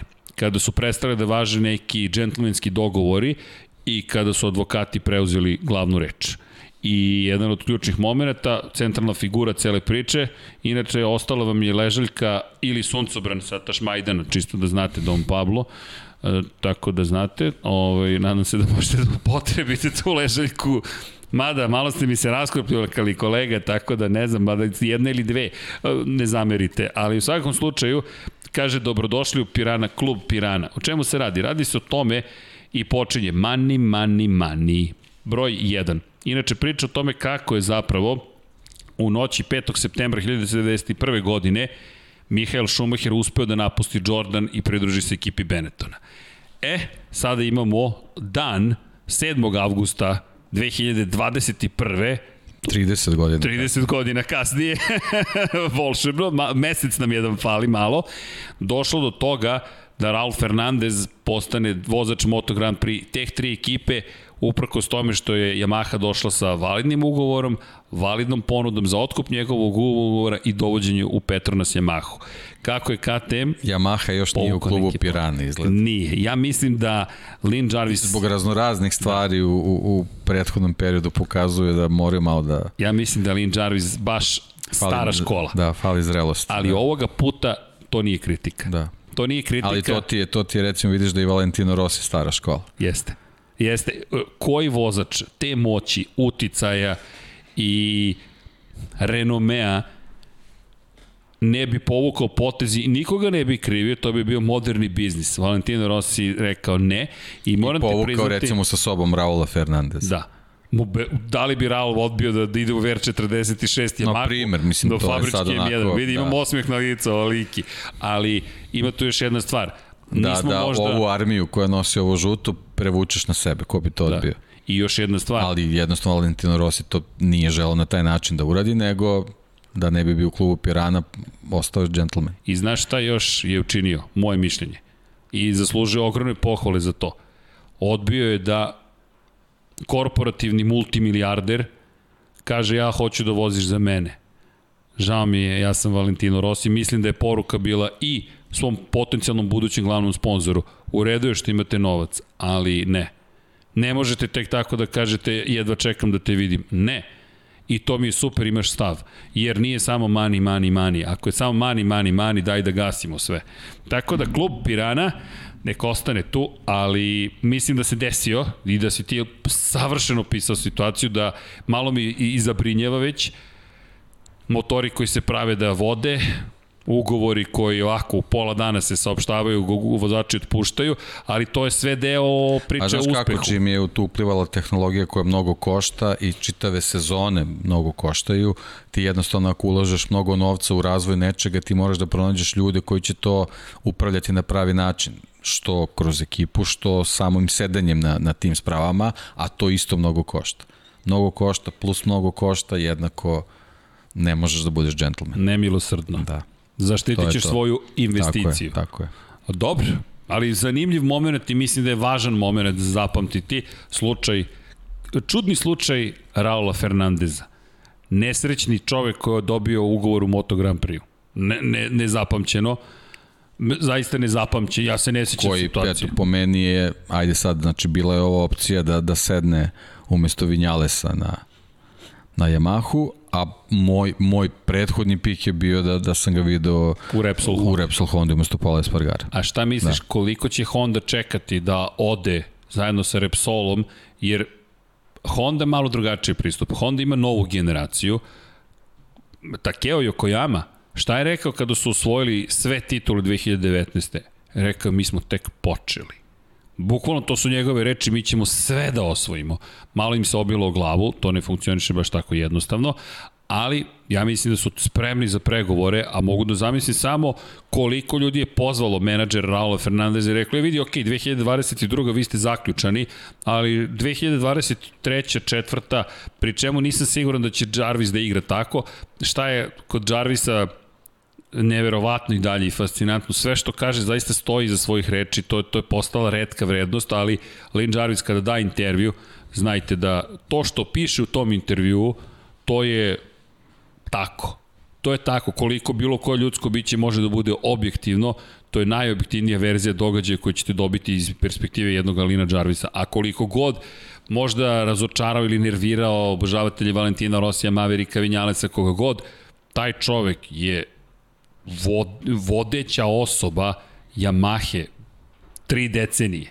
Mi govorimo o nečemu da, da, da vodite bilo koji posao, neću da umalažam bilo čiju granu delatnosti, morate da budete uspešni jednu godinu, kamoli 30. Taj čovjek između ostalog imao u svojoj garaži u isto vreme Valentina Rossi i Jorge Lorenza. Ako od toga nije osedeo, ni od čega neće, ali eto, No, Raul Fernandez, eto, ide u teh tri ekipu.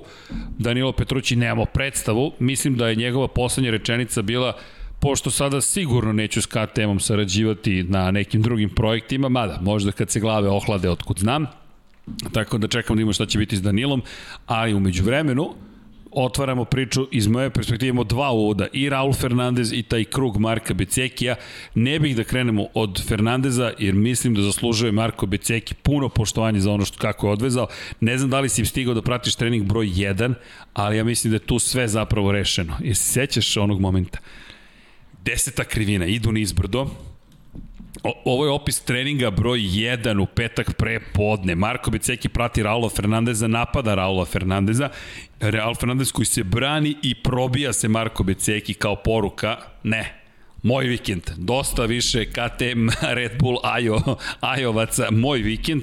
I Đankić koji izgovara, Beceki došao do pobedi i došao je da pobedi i pobedio jeste i ne samo što je pobedio Raul Fernandez, samo da nadovežem, sedmi najgori plasman u karijeri vozača Moto2 klase Raul Fernandez i nije ličio na sebe. Ne znam da li je to posledica svega što se dešavalo, vidjet ćemo narednog vikenda, ali Marko Beceki skidan kapu, kakva vožnja od početka do kraja i način na koji se vratio nekako igru u momentu kada misliš gume počinju da trpe, bravo. Druga pozicija za Arona Kane, sve sa onom leptir mašnom fenomenalnom. I druga pozicija broj 2 u tri trke da, ide malo to gore dole, ali na dva pobednička postolju tri trke i u dve trke dva puta na pobedničkom postolju čovjek na koga si tipovao Augusto Fernandez. Da. Ovaj, pa ono što se tiče Beceki, ja bih samo se nadovezao na ono što si rekao kao dosta je KT Majovaca, to bih prebacio, ovo je za, po meni bila trka za VR46 tim. Posle svih onih poteškoća u, u prvom delu sezone gde zaista mislim da su oni mnogo uticali na nešto lošije rezultate Becekija, to jest ne, ne toliko loše rezultate koliko uh, uh, njegova uh, nemoć se videla da uopšte konkuriše za, za, za prva dva mesta u, u, u većini trka, a, tako se na ovoj, na ovoj trci vidio da je čitav tim došao potpuno spreman, da im je pauza više nego prijala e, i da je Beceki na stazi, eto on je prošle godine došao za zelenim stolom do pobede, ali jednostavno on je u toj trci bio. Bio je tu. Bio je tu, bio je tu. što znači da, on, da je on još jedan od vozača koji, koji vole Red Bull ring i, i staza im prija, ovaj, znači osim, osim te, te njegove naoštrenosti za, za dobrim rezultatom, videlo se da je čitav VR46 tim pripreman došao na ovu trku i meni je pre svega zbog Vijeti izuzetno drago kako je, ja sam, ja sam ga, bukvalno sam ga pratio od, od, od dna one grafike i kako, kako napreduje kroz nju i rekao sam da to je to u stvari njegova vožnja je u stvari dokaz zašto je Marko Beceki bio toliko dobar. Marko Beceki je samo trebao dobar motocikl u, pre, u, u prvom delu sezona. Da li znaš koliko ljudi nam je pisalo Vijeti, Vijeti, Vijeti, apsolutno, Vijeti. Meni je apsolutno ono, ne, ne možemo da kažemo da je vozač dana zbog Becekija i, i njegove pobede u duelu sa, sa, sa KTM-aju vozačima, ali što se meni tiče Vijeti je ovaj, taj njegov napredak kroz, kroz, kroz poredak je ovaj, zaista ono, meni fascinantan. Pa jedno od obeleže trke da. svakako, da se popeo na pobedničko postolje, to je to. To ne, to bi bilo... To je to, bukvalno. To, da. to je bukvalno to. Ali ponestalo je krugovo, što ti voliš da kažeš. pa nema asfalta, to je, to je, to, ponestane da. asfalta, da. ali svaka čast. Celestino, iako je to šesta pozicija, dakle ti to sad rezultat padanja u nesvest, ali najbolji plasman ove godine za Celestina Vijetija, pa, a krenuo je sa dna. Uže su, uže, uzevši obzir sve probleme s kojima su još susretali. Još u Moto2 klasi. Tako da, Deki, još u Moto2 klasi. Nema šta to da se zameri šesto mesto. Ne, ne, fenomenalno. Ja, ja sam, moram te priznati, mnogo bio srećan ta radost je prosto zarazna koju, koju, koju nose sa sobom. Pohvala i za Aja Oguru. Aja Ogura odvezao jednu vrlo zrelu, ozbiljnu trku, peta pozicija, gledaš Oguru i kažeš, ok, ovaj dečko, to je sada pitanje trenutka kada će se popeti na pobjedu. Da, on je tu, četvrti, peti, mislim, nije, nije ovaj, nikako da, da napravi taj, taj korak, ali, ali kao što smo prošle godine čekali ovaj, da, da, da u trojkama stignu do te pobede, ovo je sad, sad već ozbiljna, ozbiljna zrela vožnja. Da, i deluje mi kao da, da. će pre ovde doći do do, do, do, do, do, osvajanja praktično pobede, to je ostvarenja pobede nego što će u Moto3 kategoriji. Ne mislim, dobro, Moto3 da. se ni ne vraća, ali, Tako je. ali opet, znaš, nekako je bilo fascinantno gledati ga i gledati kako sazreva i, i kako postaje sve ozbiljniji vozač, ali zaista fenomenalna trka, me, meni prelepa trka, emotivno mnogo lepa trka, što se tiče Becekija, inače popularan momak i neko ko ima baš taj italijanski šarm, ta duga kovrđava kosa u VR46 podsjeća i na Marka Simoncelli i Celestino Vietti ima tu sličnu frizuru. I to je donio neki Rosijev stil iz nekih davnih dana, mada Rossi dalje nema sede, ali dobro, verovatno da pusti kosu bi opet izgledao isto kao i ovi njegovi klinci, ali generalno to je bilo pozitivno. Zašto je još pozitivno? Ono što si ti lepo rekao, dobijamo treću ekipu u šampionatu sveta Moto2 klase. KT Majo, ok, četvrta pozicija na kraju za Remija Gardnera, nije na pobedničkom postoju drugi put ove sezone. Raul Fernandez nije na pobedničkom Tata doneo Maler. Tata, da, da, Wayne je ušao da. u garažu i odmah drama. Ali kako je reagovao Wayne? Ali... Pa to je šta ću ja ovde, bolje se sklonim. pa to, ne, da, a i on zna, da, ali, ali okej, okay, moraš i da dođeš da... da pa ne, dobro, mislim, zaista je ono, očekivati sad da oni dominiraju apsolutno sezonom, to je jednostavno ne, ne može to da se očekuje. Jednostavno more, moraju da dođu tako neki dani koji su ovaj nešto loši, ali ono Remi tu je, mislim, može, može on sebi da, da, da priušti jednu lošu trku, sad čekamo ove, ove za par dana novi ispit pa ćemo da vidimo. Pa dobro, ja verujem da će on to da će on to da reši. Zaista duboko verujem da će on to da reši. Sad, dalje na najbolji mogući način ili ne, ne znam. Remi je takođe jedan vrlo disciplinovan uh, vozač postao, postao je neko ko vodi račun o tome gde je u šampionatu sveta. Ako pogledamo iz perspektive borbe za titulu, njegov najveći rival jeste Raul Fernandez i dalje. Tu je četiri poena nadoknadio. Propuštena je prilika s druge strane za Gardnera da nije se išao sa staze, a i to svaka mu čast kako ostao na točkovima. Ja. Mogao je da se bori za, za pobedu, ali opet to je popuštanje. Lepo si rekao, ne možeš uvek da očekuješ. No, Ok, i, i ovo je završena trka i opet povećanje prednosti. 35 bodova, 9 trka pre kraja. To je lepa zaliha bodova. Sve trke završuju među osvačima poena.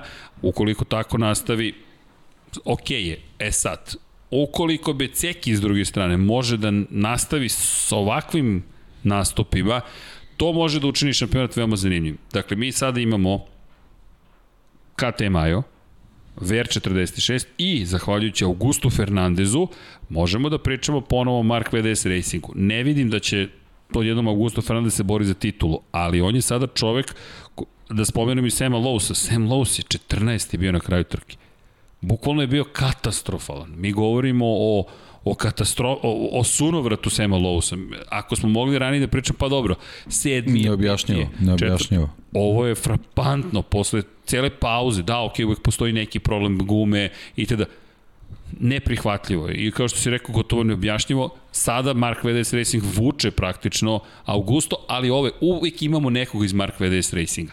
I sada VR46 protiv Aja, protiv ajde, promenjive forme, ali dalje prisutnog Mark VDS Racinga, meni to čini šampionat fascinantnim, jer ne pričamo više o tome da su padovi u formi doveli do uspeha. Ne, ne, sad pričamo o tome da ti nemaš više mogućnost pada forme, ti kao što si rekao moraš da digneš formu kao ceo tim i ono što je zanimljivo jeste Kane koji vozi za Spara na Bosko Skuru. To je, to je ključna stvar. na Bosko Skuru si. Da i ti si na poziciji broj 2, 3 puta ove godine. Ali on je rekao, e, moj problem u prvom delu sezone je odsustvo konstantnosti. Na tome moram da poradim. On kad bi ovako vozio svaku trku, bi mi bismo pričali o borbi za titulu šampiona sveta, bez ikakvih problema. Kane je inače u Moto trojkama pokazivao brzinu za titulu, ali ne i konstantnost. A moraš da imaš jedno i drugo. Držimo palčevo, ali za Bosko skoro potvrda da taj motor ipak radi. Da, da, da, teško je, teško je poverovati zaista da može da, da, da stigne do pobede, ali zašto ne, za, zašto ne, ne, ne imati tako neke luda, luda razmišljanja, zašto ne, ovaj, ali pretipujem da će Augusto Fernandez ovaj, do kraja sezone uspeti da, da uradi ovaj, nešto, nešto više. Sad, sad ta pozicija u šampionatu zbog tog njegovog nešto lošijeg starta ovaj, malo ga stavlja u, u nezgodan položaj, ali ovaj, možda, možda može da, da se priključi vrhu ako on nastavi ovaj, sa, sa ovim dobrim rezultatima. Pa, pazi, Boston. Generalno treba mu jedna dvadesetica, to je, to je nešto što mu u ovom trenutku nedostaje da se priključi malo ovaj, vozačima u vrhu, jer recimo Lowe's i dalje koji je katastrofa, Lowe's je neki 30 bodova ispred njega. Jeste. Tako da ovaj, baš, je, baš je veliki zaostatak pre svega zbog lošeg početka sezona.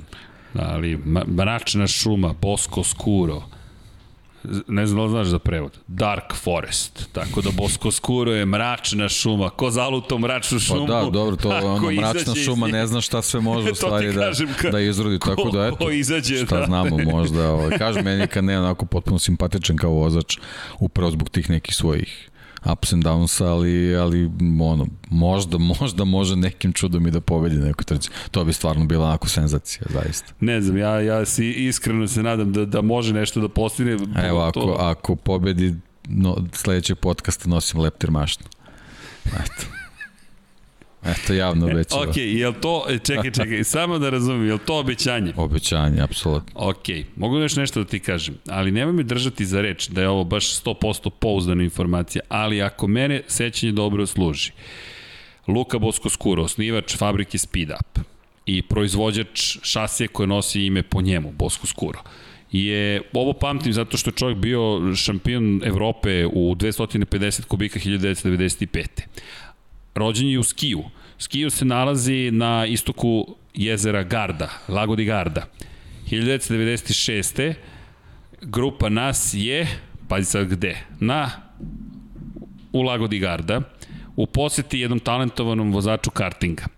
I sedimo u restoranu pizzeriji, porodičnoj, u kojoj za šankom radi momak koji je šampion Evrope u 250 kubika u motociklizmu ili ti Luka Bosko Skuro. I, i, ti si u pizzeriji i ima njegova fotografija i porodica je rekla super je to, to, što, to tvoje trkanje, ajmo sada u šank. Cijela porodica radi i najveće poštovanje je bilo Miloš Pavlović, inače taj talentovani karting vozač i hvala cijeloj njegove porodici što nas je ugostila. I dolazi mama Lukija Bosko Skura da nas pozdravi i Miloš Tatko kaže sad smo dobili najveći respekt mogući pošto se mama pojavila i pozdravila nas je i sad gledaš čoveka kako je šampion Evrope u 250 kubika. I sad daj si Jorge Martin pobedio, u redu je Jorge, ali ajmo peri ajmo, čaše. Peri čaše. Bukvalno da. čovjek pere čaše i to mi je ostalo u sećanju. A, nikad nisam ispričao, ne znam zašto, a stvarno je zabavno, ti sediš i kao, ok, Luka Bosko Skuro. Ali, Eto, to je meni postoji mogućnost za pobedu u, u dvojkama. da, tako da, eto. Luka Bosko skuro. Zanimljive tako pri, priče postoje. To, ali u svakom slučaju da, pozdrav za Miloša Pavlović, pozdrav ga puno molim te, ja čekam da nam dođe u studiju, to, to će biti zanimljivo. Ja, to je to ono čega se ja sećam, ali dobro. Ko zna, možda sam i zalutala glava negde u tom procesu, ali sam prilično siguran jer je specifično ime i prezime. No, Da se mi vratimo u Moto2 kategoriji, Remi dakle poveća prednost u šampionatu, ali možda dobije novog rivala, jer postoji još jedna osoba uz gospodina Gardnera koja je osvojila poene u svim trkama ove sezone i zove se Marko, preziva Beceki. Tako da, uz ovu pobedu, stvari se komplikuju. Za 12 poena smanjuju razliku, Sada, ispod dve pobede razlike, devet trka, ako ih bude devet do kraja. I obećava, i moram da citiram mog dragog prijatelja Aleksandra Vacića koji je rekao, najbolja od Moto2 trka koju pamtim posle duže vremena i zaista je bilo napeto i neizvesno i greške i borba s gumama i drugačiji stilovi vožnje, svega je bilo drama oko Rala Fernandeza, Wayne Gardner u garaži Remija Gardnera, ozbiljna je jedna onako dramatična priča, a sve to je došlo posle trke u kojoj je pobednik bio, naravno, pogođen od strane mog dragog kolege Dijena i prijatelja Potkonjaka, a u kojoj su se dvojica momaka rvala do, pos, do pretposlednje krivine, u pretposlednjoj drugoplasirani izleteo sa staze, podigo motocikl i završio na drugom mestu. Neko reče ko Casey Stoner u Laguna Seki 2008. E, otprilike tako, toliko su dobri bili, to je, hvala kogod je to prokomentarisao. Dakle, ali to nam je nekako svima prošlo kroz glavu, nisam izgovorio, tako da ta referenca pripada gospodinu, dami, kogod se javio na Twitteru i reče bukvalno Laguna Seka. I zaista izgledalo kao Laguna Seka na stazi koja se sušila Pedro Acosta vodeći šampionatu sveta protiv Serhije Garcije, koji je počeo sve češće da pobeđuje, duel 1 na 1 i u jednom momentu ti shvatiš, ne, ne, ne, ovi momci, ovo nije štednja. Ovi su rešili da pobegnu i da nema šanse niko ko ima gume za suvo i kada ih ugrozi ali gde su oni deki otišli, ono je bilo spektakularno. Cijele sezone imamo grupe od 15 vozača, meni je ovo bilo fenomenalno i prijelo mi je zato što smo videli klasu. Baš smo videli klasu u Moto Trojki, mislim da su njih dvojica klasa u ovom momentu za sebe. Pa i klasa i nekako smo kroz njihove vožnje videli u stvari koliko su zreli. Oni oni tokom čitave trke jedan drugom nisu, nisu oduzimali na, na brzini. Ne. Jednostavno to nije bilo borbe. Da je bilo borbe, lako bi ih uhvatili. A ovo je bio jedini način da da iskoriste maksimum iz, iz pneumatika koji imaju, ne znajući šta će se desiti u finišu trke. To je jednostavno bila ta taktika i bilo je ok, idemo, vozimo to, ne diramo jedan drugog, ali bilo na par nekih onih kao preticanja, ali apsolutno nisu izgubili na brzini tu i meni je zbog toga bilo jako zabavno da vidimo ovaj, kako će ući u finiš trke, pre svega ne znajući koliko će se staza prosušiti, da li će konkretno Binder koji ima te, te slikove, da li će uspeti u finišu nešto, nešto više da uradi, tako da ono, stvarno zrela vožnja od obojice i ono, kad je došao taj posljednji krug, bilo je ok, to je ta runda, idemo sad fight, da vidimo šta će se desi, a Kosta je još jednom pokazao da, da, da ima tu žicu i eto tako se, tako se to sve, sve završilo, ali generalno bi mi je bilo jako zanimljivo jednostavno da, da pratiš momke koji su na, na kišnim gumama koji se habaju definitivno, a gledaš kako iz kruga u krug ovaj, obaraju ovaj, vremena, to je stvarno bilo sjajno meni jedna od lepših Absolut, trka. Da. Podsjetila mi na 2000 tu čuvenu 13. Maverick Vinales protiv Aleksa Rinsa i Luisa Saloma perfek, perfekcija. To je sezona u kojoj znaš da će njih trojica biti na pobedničkom i samo pitanje u kom rasporedu i kome će zahvaljujući tome pripasti titula.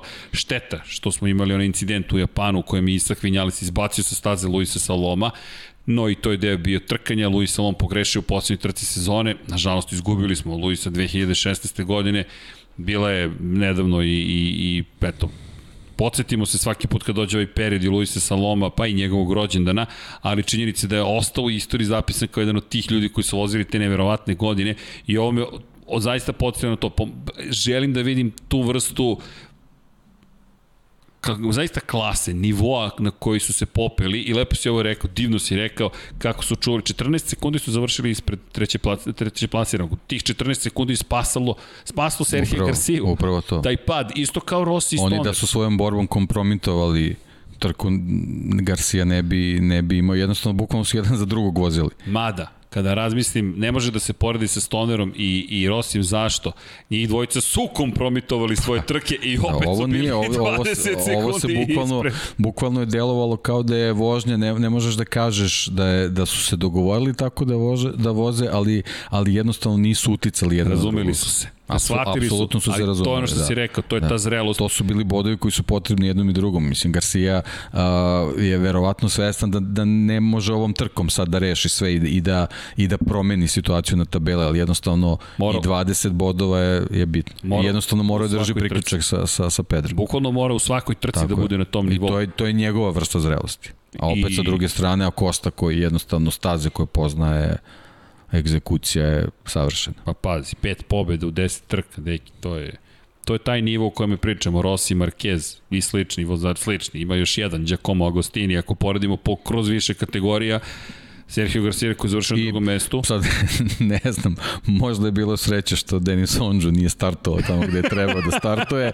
Ne znam šta, da li bi se tu nešto, ne, nadam, nadam se da ne bi, ali ovo, ali eto, da jednostavno. Pohvalimo. Da, dobro. Pol pozicija, da. ček, jest, jest, pol pozicija, jest. odvezao je sjajan, fantastičan krug još za teh trojku. Dobro, evo ima, ima popravni još jedna trka. Ima. Tu i, i zbog njih, u stvari, zbog cele ove, zbog celog ovog njihovog izdanja, da čekam sa sledeću trku u, u recimo nekim konstantnim uslovima da vidimo ovaj, Ali žao mi je bilo Onđo. Da, jest, bilo žao. Jest, jest. Žao mi je, ekipa je pogrešila. Uradio da. je sve kako treba i ekipa koja zakasni. 180 sekundi pre davanja signala za početak kruga za pripremu, niko ne sme ništa da radi na motornicu, još uvek menjali prednji točak. Bili su u euforiji jednostavno, to je to. Ali i ta ekipa uči, to te njegovi mehaničari.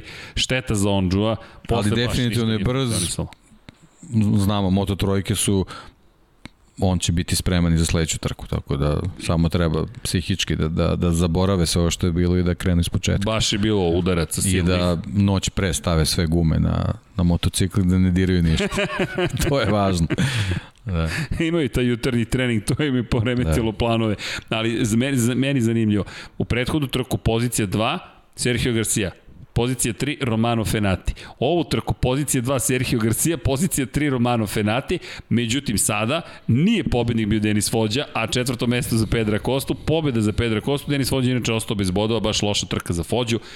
Čim su promenjivi vremenski uslovi, makar trenutno ne može da funkcioniše, ali poredak vodeće trojice u trci je poredak vodeće trojice u šampionatu, prvi, drugi, treći, Romano Fenati, teki, je treći u prvenstvu sveta. Samo da, da da, da, da ta ideja postane nekako da se osvesti ta misao. Romano Fenati treći u šampionatu sveta. Čekaj, deki, kako to izvedeš uopšte? Čovjek koji je toliko nestabilno bio kroz karijeru je sada na poziciji broj 3. Zaista rezervisan će biti. Veoma dobra sezona Romana Fenati, ne želim da kažem bilo što što će da utiče negativno njegovu sezonu. Pa evo ja gledam fenomen. poredak, mislim sve govori uz Pedra Kostu jedini vozač koji uz obhode u svim trkama. Tako da ta nestabilnost Nestala nekako je. da ne, ne, Nestala ne ide ove godine uz njega. Srećem da je kod stabilnog uh, Kao da je sazreo i da uživa u trkama. Eto, to je, Jest. to je to. Nema, nema nepotrebne nervoze. Pozdravljam. Za, zaista mi se zaista mi se dopada on je, sve on je na pragu 100 bodova. Da nemaš ovu anomaliju za onu Pedro Costa, Ej, to je bitka za titulu, titulu šampiona sveta. Bukvalno, on, titula, on, je, on je u borbi za titulu da. šampiona sveta. I zvučao je srećno. To je ono što je bilo fenomenalno. Gledaš ga i nasmejani Romano Fenati, najzalje neko našao mesto pod suncem. Možda mu je Max Bjađi bio potreban da bi našao mesto pod suncem, a što me dovodi do jedne od najboljih fotografija ikad, koju ćete ikada videti. Nemamo pravo da vam je prikažemo, nabavit ćemo, ja se nadam da sledeći put moramo da je prikažemo. Znaš šta ste me sad podsjetilo? Na ne, ne, sačekat ću da se sve skupi, ali zaista mi liči na, na, na družinu vješala, na, na, i broj 1 koji, nažalost, nije pokretan Pete Bayer, sedi, veliki šef KTM-a, sa desne strane Jorge Martinez Aspar Gas Gas. Iza njega Max Bjađi, Husqvarna i sa leve strane Aki Ajo KTM. I on koji sedi i, i ovako, sve konce sam pokrio na prvom mestu KTM, na drugom mestu Gas Gas, na trećem mestu Husqvarna, na stazi koja pripada KTM-u. Za one koji ne znaju, Husqvarna je u vlasništvu KTM-a, ima švedsku zastavu, ali to KTM, bukvalno 250 njihova trkačka verzija i Gas Gas, iako ima špansku zastavu, pripada KTM-u i isto je KTM njihova 250 i Big Boss je tu, a iza njega ekipa koja kaže, ok, tu smo šefe, ali kako pobedničko poslije da si planirao, ne možeš bolje da isplaniraš, pri čemu tvoj glavni sponsor Red Bull ti je na poziciji 1 na Red Bull ringu. To je onaj dvori moment kad kažeš, ako se ovo desi, dobijete svi šestoduple bonuse. Šefe, desilo se. I bilo im je potrebno posle celog ludila sa Raulom Fernandezom, ali zaista jedna prelepa fotografija. Pričali smo Pitu Bajeru, čovjek koji je nažalost ostao nepokretan posle nesreće u motocross trci, čelnici KTM-a su došli i rekli, Pit, ti si naš čovek. Bez pitanja ni šta će da radi, ni gde će da radi i Pit Bayer je apsolutna legenda, svaka mu čast, ali zaista me podsjetio na jednostavno mudrac koji, koji je tu prisutan i kaže, ok ljudi, ajmo sada da se okupimo i uradimo nešto nevjerojatno, svaka mu čast.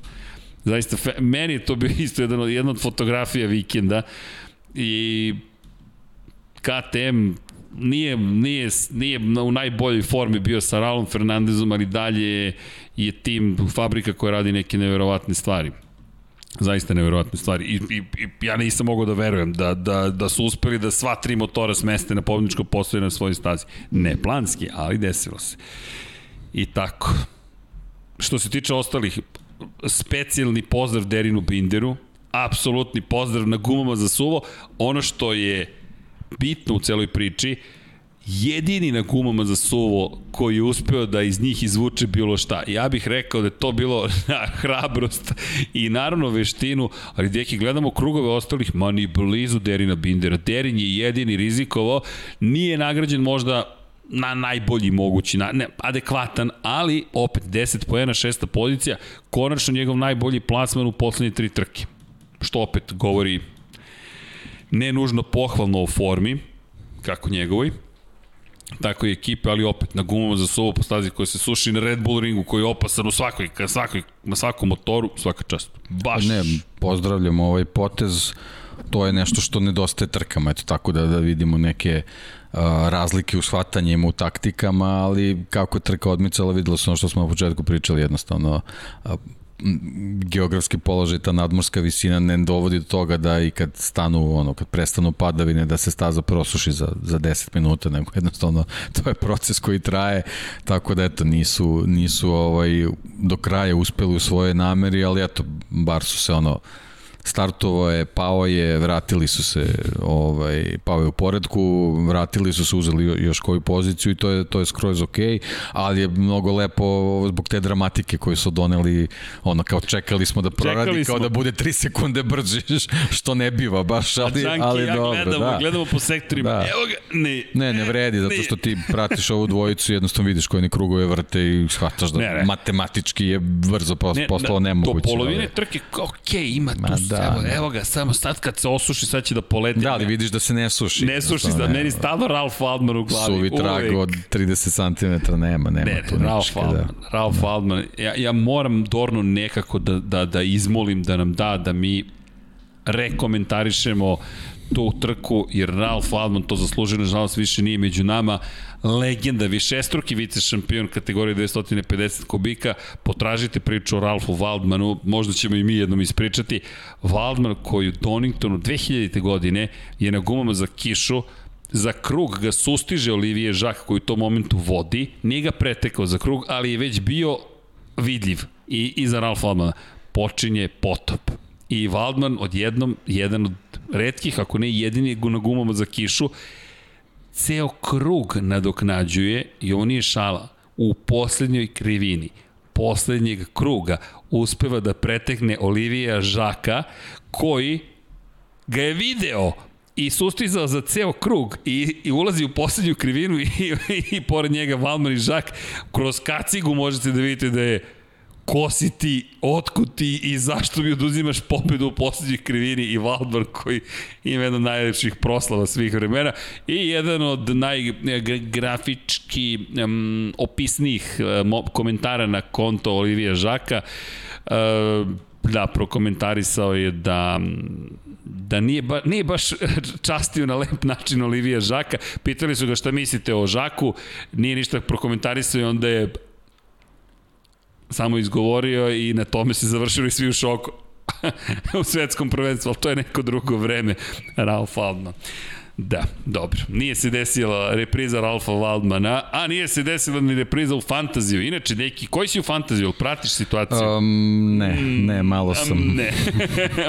malo ne. sam popustio, moram priznati. Inače, hajduci, Desili su se neki katastrofalni rezultati, to me obezhrabrilo potpuno. Ja sam super, imao sam Oliveiru, kao trik za nastavak sezone uzimam Oliveiru, Pa se ovo, jeftinog Markeza kupujem jer vratit će se u igru. Dobro. I držim Banjaju jer biće Francesco dobar na Red Bull ringu. Kakav potop. A samo ovako bilo bloć i, i to bi bilo to. I ne uzme Martina, iako znam da će biti super, ali kao ne, da, nemoj. Pričaš na sva zvona i ništa. Pa, I ni, va, to da, sam va. ja radio u početku, tako da to je nauk, ali ne vredi. Ili možda zato Ponovo bi isto uradio. Da. Ili možda pa zato možda, uspeo. Možda, možda. možda. E, sad sam ga uzeo. Da. E, sad ćeš da vidiš. Inače, Hajduci i Uskoci su na poziciji broj 1, 1086,5 poena, da im Hajduk Uskok, koga ima? Marquez, Quartararo, Ducati, Banja, Vinjales. Pa kako je Hajduk i Uskok uopšte na prvom mestu? Verovatno je zahvaljujući nekim ranim trkama. Floyd, Marquez, Quartararo, Ducati, Oliveira, Zarko. Vidiš, Mrči je treći, 1064, Quartararo, Banjaje, Ducati, Vinjales, Marquez, Reding 45, Quartararo, Vinjales, Ducati, Oliveira, Miller, Niko se nešto nije prosto... O, Brkson, Brkson. Slušaj Brksona, bravo Brksone. Fabio Quartararo, Joan Mir, Ducati, i srebrni vozači Marquez i Olivira. Dobro, to je umanjenje štete, ali 133 poena u prethodnom vikendu i ozbiljan skok napred.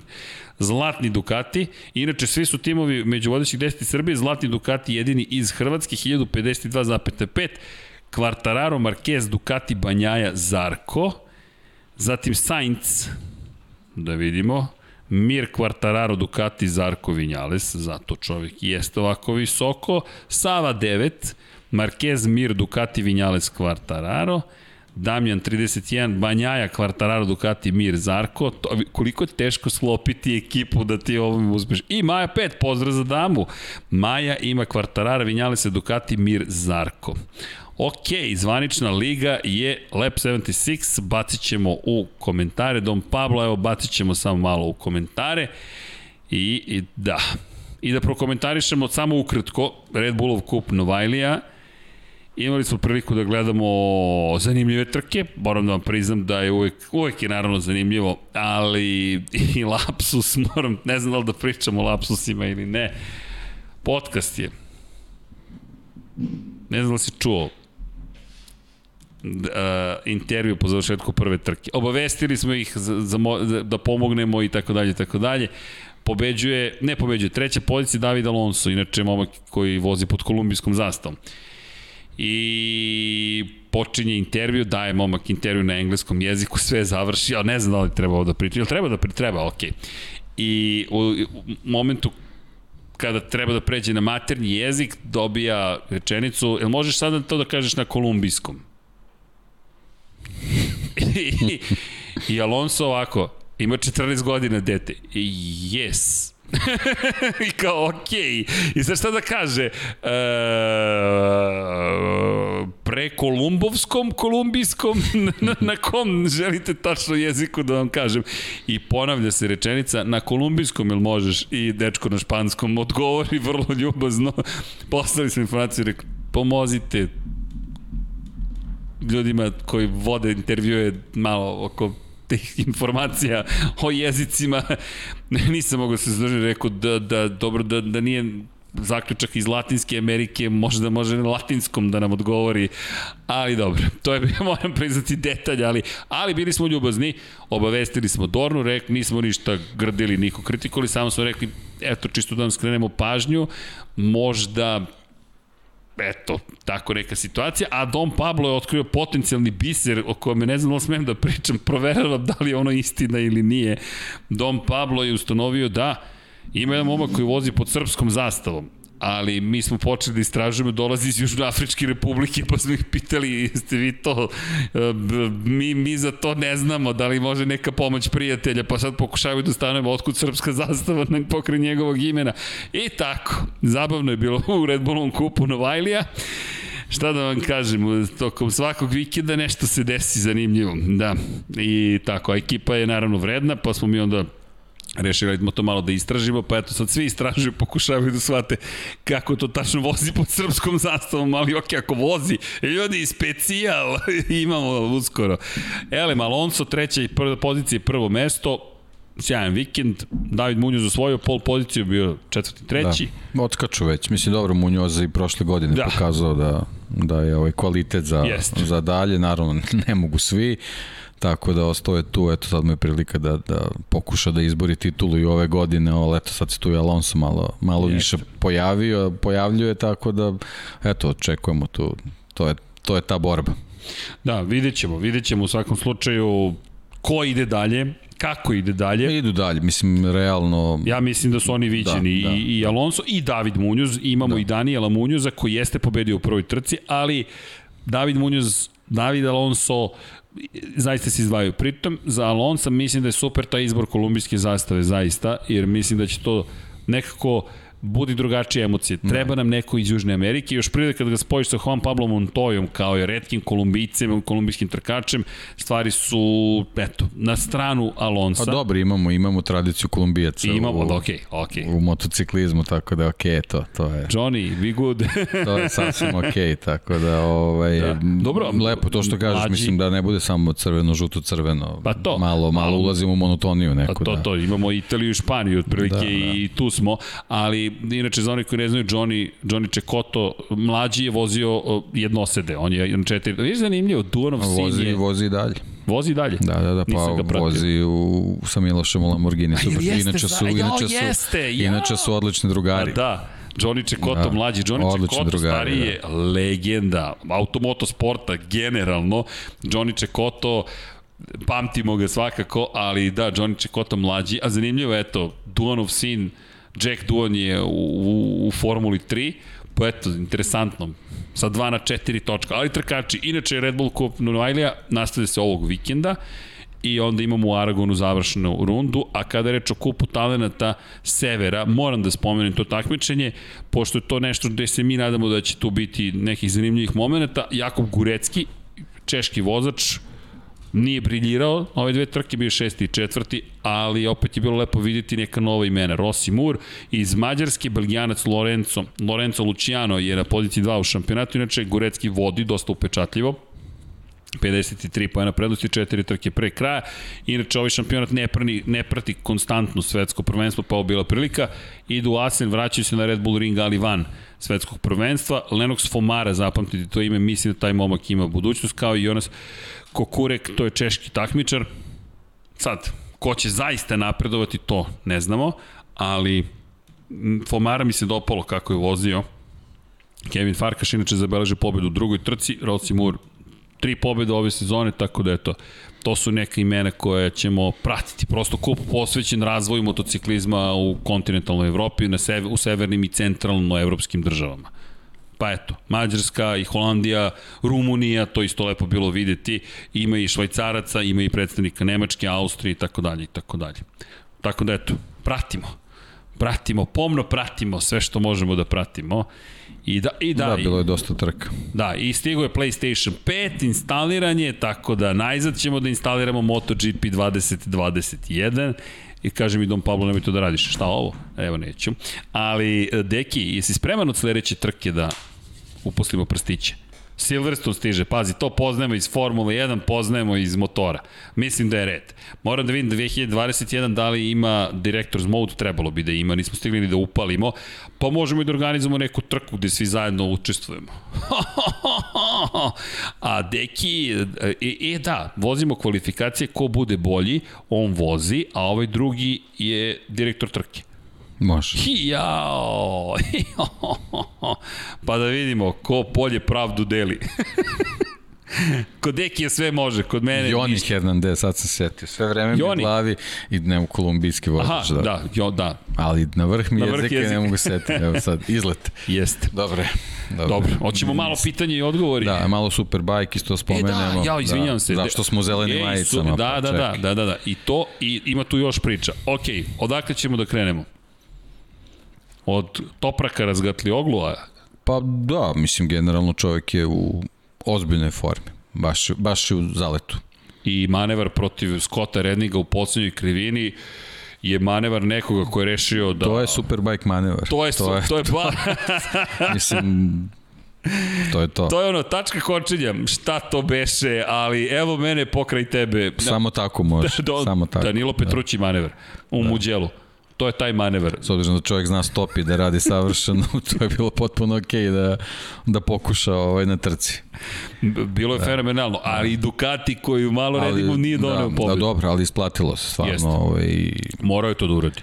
Mislim, mora. I zbog pozicije na tabeli i jednostavno je. zbog, zbog te čitave priče i pritiska koji već sad je na, na, na Johnny Ray, tako da to je Da, vratio okay. se pritisak na Johnny Ray. Da, samo pa tri pojena razlike, samo da opišemo. Da. Johnny Ray osvojio pol poziciju, ali ali Johnny... Bilo je grešak. Bilo, da, bilo je bilo grešak. grešak. I prvo odustajanje ove sezone. Da. Čak i kroz njegove izjave se vidi, kaže, e, mi smo za, za ovaj vikend uh, uh, dogovor je bio da, da iz motocikla izvučem maksimum maksimum znači apsolutno sve sve što može tako da, da to je to je dokaz koliki pritisak već ovaj već osećaju da inače prvi da. put da. smo išli smo u Češku ali smo posetili most nismo išli u Brno Tako da, drugačija staza u odnosu na ono što smo navikli kada je reč o Brnu. Nekako, kada kažeš Češka, pomisliš odmah. Da, nisam, nisam nikad bio...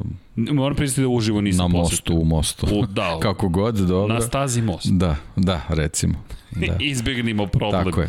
Ali, nije završio prvu trku i tu je zapravo Razgatlioglu nadoknadio mnogo poena, jer tu je Razgatlioglu došao do pobede, to je ono što je bilo mnogo važno. Inače, prva, druga trka vam donose po 25 poena, Super Pol trka vam donosi 12 poena za pobedu. No, pobeda, Ali u ovoj pobeda, borbi je vrlo značajno. Kako ne, značajno. pobeda, pobeda i, mislim, i, te pobede mesto. se računaju, to Kako su je? koje su ušle u, u spisak. U Johnny Rain ovaj, CV, tako Jeste. da to je to, to je skroz okej. Okay. I, I posle onog savršenog vikenda da. u Asenu dolazimo do toga da Razgatlioglu beleži dve pobede, jedno drugo mesto, s druge strane Scott Redding dva druga mesta i jedna pobeda, daleko je još uvek Redding, ali to je sada relativno u Superbajku, čovek se ženi, rešio da se ženi, zaprosio je Dragu u sred Superbike šampionata, da rekla je da, srećom po njega, inače bi bilo zaista neprijetno, ali ok, zaprosio javno, što kaže David Emmet, ne znam da li je to dobro ili loše, da li je to zaista pokazatelj strasti i emocija ili je to pomalo siliđijski, moraš da pristaneš ili ne. Tako da ostavljam vama da procenite, ali Scott Redding zaprosio. Inače, Rea u te dve druge trke, treći i treći. Treći, međutim, sjajni Andrea Locatelli u prvoj trci. Locatelli potom bio četvrti četvrti. U ovom momentu najbolji od ostatka sveta. Ako pogledamo zašto ističemo Locatellija, lako je istaći Reu, Oglo i Scotta Reddinga, Kawasaki, Yamaha, Ducati, to su ti vozači. Međutim, Locatelli na Yamahi jeste osvojio titulu na Supersport motoru, ali peti, četvrti, treći, treći, četvrti, četvrti.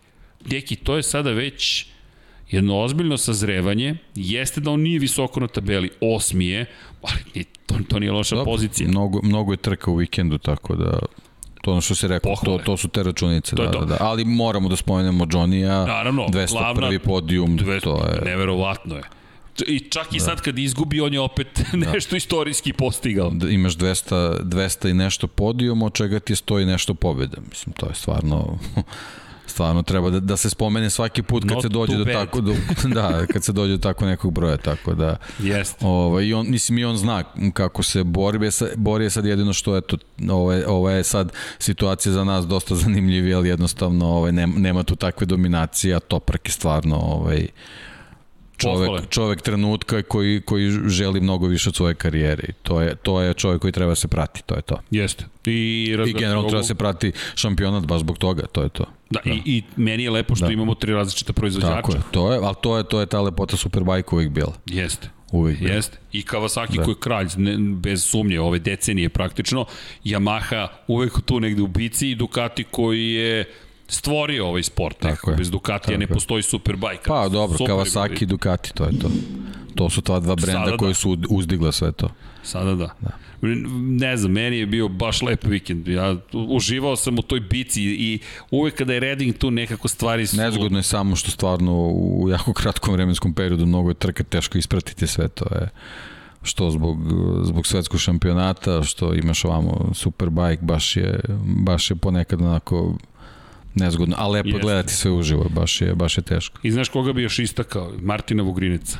Martin je vozio u trku u mostu u okviru Supersport šampionata, Martin bio 17. u prvoj trci, u drugoj trci je odustao, ali pre svega veliki pozdrav Martinu Vogrinicu i njegovom ocu, taj sav trud koji ulažu ne bili uspeli, najzad su dobili priliku ponovo da izđu na svetsku scenu, najveći uspeh bio tog izlaska na scenu Red Bullov Cup Novajlija, bitka, porodična bitka i svaka čast zaista, ako možemo ovako medijski da skrenemo dodatno pažnju ih, potražiti ih i na Facebooku, i na Twitteru, i na Instagramu i lepo je bilo vidjeti prosto nekoga sa ovih prostora da se pojavljaju u Supersport šampionatu sveta. Ljudi, to je ogroman uspeh. To je ogroman uspeh. Dobijete poziv, da se pojavite, da se takmičite, da postavite motocikl. Mi držimo palčeve, nadamo se da, da, da će uspeti u svojim snovima. To, to je bilo zaista fenomenalno videti.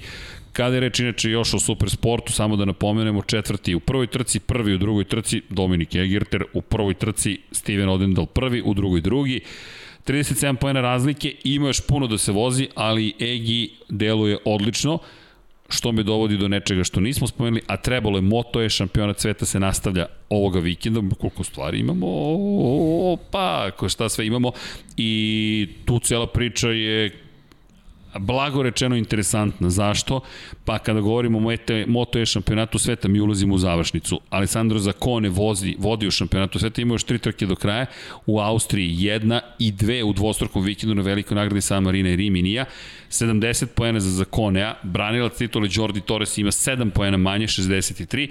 Eri Granado, sjajni brazilac, kada završi pobedi, kada se, ja se smijem automatski, kada završi pobedi i Dominik Egerter koji ima jednu lošu trku, ali zahvaljujući toj lošoj trci ima isti broj poena kao Granado. Granado dve pobede, jednom je bio 13 i jednom bez plasmana za Kone, s druge strane jedna pobeda, jedno treće, jedno četvrto, jedno treće mesto. Zanimljiva je za Koneva priča, čovjek koji je slučajno završio u Moto E klasi, Inače, prošle godine vozio, bio povređen i nije imao ugovor. Otišao je da ubedi gazde Pramak da ga angažuje. I rekao, verujte mi, brz sam. Poverovali su mu i sada imaju vodećeg u šampionatu sveta.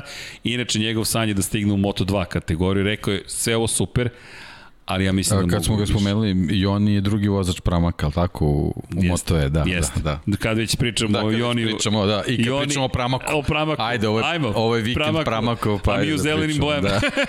pa adekvatno, da, to je. Da. Ali, znaš zašto? Zato što se Pramak bavi zelenim tehnologijama. Da. Zato smo mi podsvesno izabrali zelenu. I prvi put kad su pojavili bili su zeleni. Bili su zeleni, jeste. Tako, zeleni logo je bio. Jeste. I da. prvi, prvi, prvi ljudi koji su koristili električne motocikle još 2011. u Padoku su bili ljudi iz Pramaka. Molim lepo. Proizvode generatore, bave se e, takozvanom industrijom energije i ozbiljan tim. I on je lepo rekao, Pramak je ozbiljan tim tek ove godine vidimo koliko se ozbiljio i pride. Ali da, i on inače osmi u celoj priči. Dominik Egerter, pa eto, 53 poena, Juri da postane šampion, ima šansu. Matija Kasademi, Jel Pons i tako dalje, tako dalje. Ono što takođe treba istati, moje mišljenje, sedma pozicija Mateja Ferrarija, čoveka koji je bio prvi šampion 2019. Mateo u lošoj formi, pa eto, Da Dobro, ja, ja i dalje stojim ono sa, sa početka, I ono što si ti rekao, ako, ako bude završavao trke, mislim da je Granado prvi favorit i da, dalje. Jeste. Jer on, on je ovoj trci koji je bio 13. i ne sam zaboravio, on je pao. Je pao posle neubedljivog vođstva, nego jednostavno već se videlo da je da je pobedio, ali ali praktično bukvalno forsirao svaki krug, završio u šljunku, nekako uspeo se vrati uzeo tih par bodova, ali to isto bila trka koju je trebao da ne završi. Na koga te podsjeća da. vozač iz Brazila koji ima ogromnu prednost i dalje forsira? Hm. da. Da li se to desilo da, da. ikada? Da. Ali da. Pritom, ne treba mislim da zaboravim, u Kataloniji ovaj, nije završio trku, nije završio. a sa pol pozicije trebao krene, motocikl nije mogao da starta. Jeste. Tako da dosta pehova, ali kad sve funkcioniše kako treba, tu je. On je, ma ne tu je, on, on, on je, on, on je pobednik. Da, on je pobednik, da, da, pobednik, tako da... Otkrio je, šta god je otkrio, ovaj, otkrio je. Da, 17 bodova je razlike, nije to ništa specijalno, tri trke su u igri, mnogo zavisi od ove sledeće. Da, i zanimljivo mi je, jedva čekamo i da popričamo sa tim vozačima, zašto? Imaju potpuno drugačije stilove kontrole gasa kako upravljate? A meni je tu Agerter zbog toga zanimljiv. Upravo zbog toga, jer on, on bukvalno iz vikenda u vikend se prilagođava situaciji. Jeste. Fenomenalno. Tako da mislim da je on sagovornik pravi za to priču. Da, i, i, I pokušat ćemo da pričamo sa Domijem baš o tome. Ono što je meni isto zanimljivo, je, uh, imate četiri podešavanja praktično, obrtnog momenta u suštini. I neki vozači žele punu kontrolu, da sami kontrolišu, da se njihova desna ruka pita to je maksimalni obrtni moment. Odmah dobiješ maksimalni obrtni moment. Ono što sve iznenađuje kada se prvi put sednu električni motocikl, brzina kojom stignu do prve krivine. Zastrašujuće. Kaže, kojom brzinom? Kaže, mi smo tek dali gas, već smo u prvoj krivini, a motocikli su mnogo teže od MotoGP mašina, kamoli od Moto dvojki ili Moto trojki. I iz te perspektive, to mi je zanimljivo ko, ko je, koji podešavanje bira prilikom vožnje. Vrlo interesantna kategorija tehnološki gledano i trke, ti si lepo rekao, TIE Fighteri, ko voli Star Wars zna o čemu pričamo, zaista zvuči, to nije pravi zvuk, ali znate na koji zvuk mislim i pratite taj fajtere na Red Bull ringu, bit će uzbudljivo, ja verujem, i mislim da će za Kone biti vrlo agresivan, Torres je tradicionalno agresivan, sve uz onaj osmeh, Dominik brz pa brz i Granado koji... Sve ili ništa. Sve ili ništa, pa ne, lepo opis, da. sve ili ništa. Da, da, da pa jednostavno tako je. Jeste, da. jeste. Tako da, eto, Ali ako kažem, ako bude sve, apsolutni favorit. Dobro. Sam nešto zaboravio. Verovatno, ali da. bez obzira, pitanje i odgovori ukoliko ste još uvek sa nama. Da. Ma ne samo konstru... Srki pita i Dekila šta se desilo uh, juče u Jao. Je li ovo pitanje o futbolu? Šta se desilo juče u Moldaviji?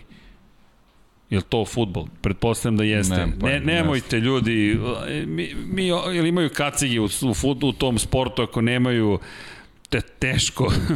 Reding, novi mladoženji, njegova žena je pokupila nagradu Aruba Ducati IT. Zlatko, pozdrav za Zlatka.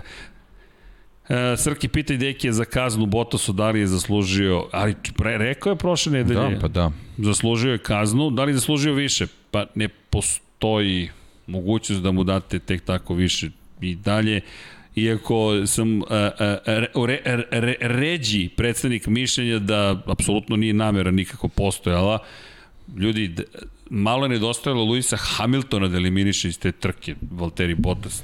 Mislim da je da previše da dajete ne, sposobnosti sam, sam, da. bilo kog vozača da izvede takav incident. Sam razvoj situacije upućuje da je to bila neka namera, ali samo je malo nedostajalo da, da, da ishod bude potpuno, potpuno drugačiji. drugačiji. Da. Tako je to baš, tako baš, da, baš, baš. Ja sam jednostavno tog mišljenja, tako da ono, potpuno ono, apsolutna vozačka greška i sad karambol je mnogo skup stvarno bio, o, ovaj, ali ono, sad, sad ćemo tek vidjeti koliko će na toj sledećoj trci značiti kad tih pet, pet mesta to, bude to, to. mora da se pomeri. E, Evo, Marko Stanković, srdačan pozdrav za gospodu u studiju na kraju vezanu Hajduka i Uskoka. Pozdrav, Marko! Sad znamo ko, ko je vodeći u šampionatu Fantazija. Inače, Amir Silverstone uzima Rins, on se onako pojavi jedno od 15 trka. Ok, nije, nije nemoguće, ali vidjet ćemo. E, odličan Bososkuro i u CEV sa Hondom, CBR sa Fermin Aldiger. Da, Fermin Aldiger se pojavio ove godine u šampionatu sveta. Inače, Bososkuro je nekadašnji speed up prve pobede za speed up su, su ako se dobro sećam, Andreja Janone je bio prvi pobednik na speed upu, ali to su trke koje kada je speed up funkcionišao, bile su fenomenalne. Inače, moram da pitam gospodine da li želi da mu otkrijemo ime. Baš smo se podsjetili tih prvih godina Moto dvojki, Suter je proizvodio šasije, Morivaki je proizvodio šasije, FTR je proizvodio šasije, naravno da je Kalex proizvodio šasije, jer Kalex, Speed Up je proizvodio šasije i to je bio jedan baš uzbudljiv šampionat gde je cilj bio zapravo da manji proizvođači dođu do izražaja. Jedan od momenta kada je Kalex zadao ključni udarac Suteru, koji je inače ozbiljna inženjerska kompanija, jeste bio 2012. godine. Suter je podržao Marka Markeza na način koji se nije dopeo ostalim kupcima Suterovih šasija i sve svoje prototipe, prototipove zapravo, je davao samo Marko Markezu. Jer prototip, imate jednu verziju samo, dolazi u ruke Marka Markeza, vi ste kupac Suterov, dajete isti novac kao i u to vreme Kajša tim, koji Kajša kao banka koja stoji iza Marka Markeza, jeste on zvezda, ali Suter povlači loš poslovni potez, daje sve Markezu, ostali Suterovi korisnici kažu, ok, mi od sledeće godine prelazimo na Kalex. Egzodus sa Sutera na Kalex, iako je na Suteru izdominirao kategorijom Mark Marquez, tako da eto kako jedan potez može da ozbiljne posledice ostavi i za kompaniju, a i u kontekstu šampionata kako su se stvari promenile.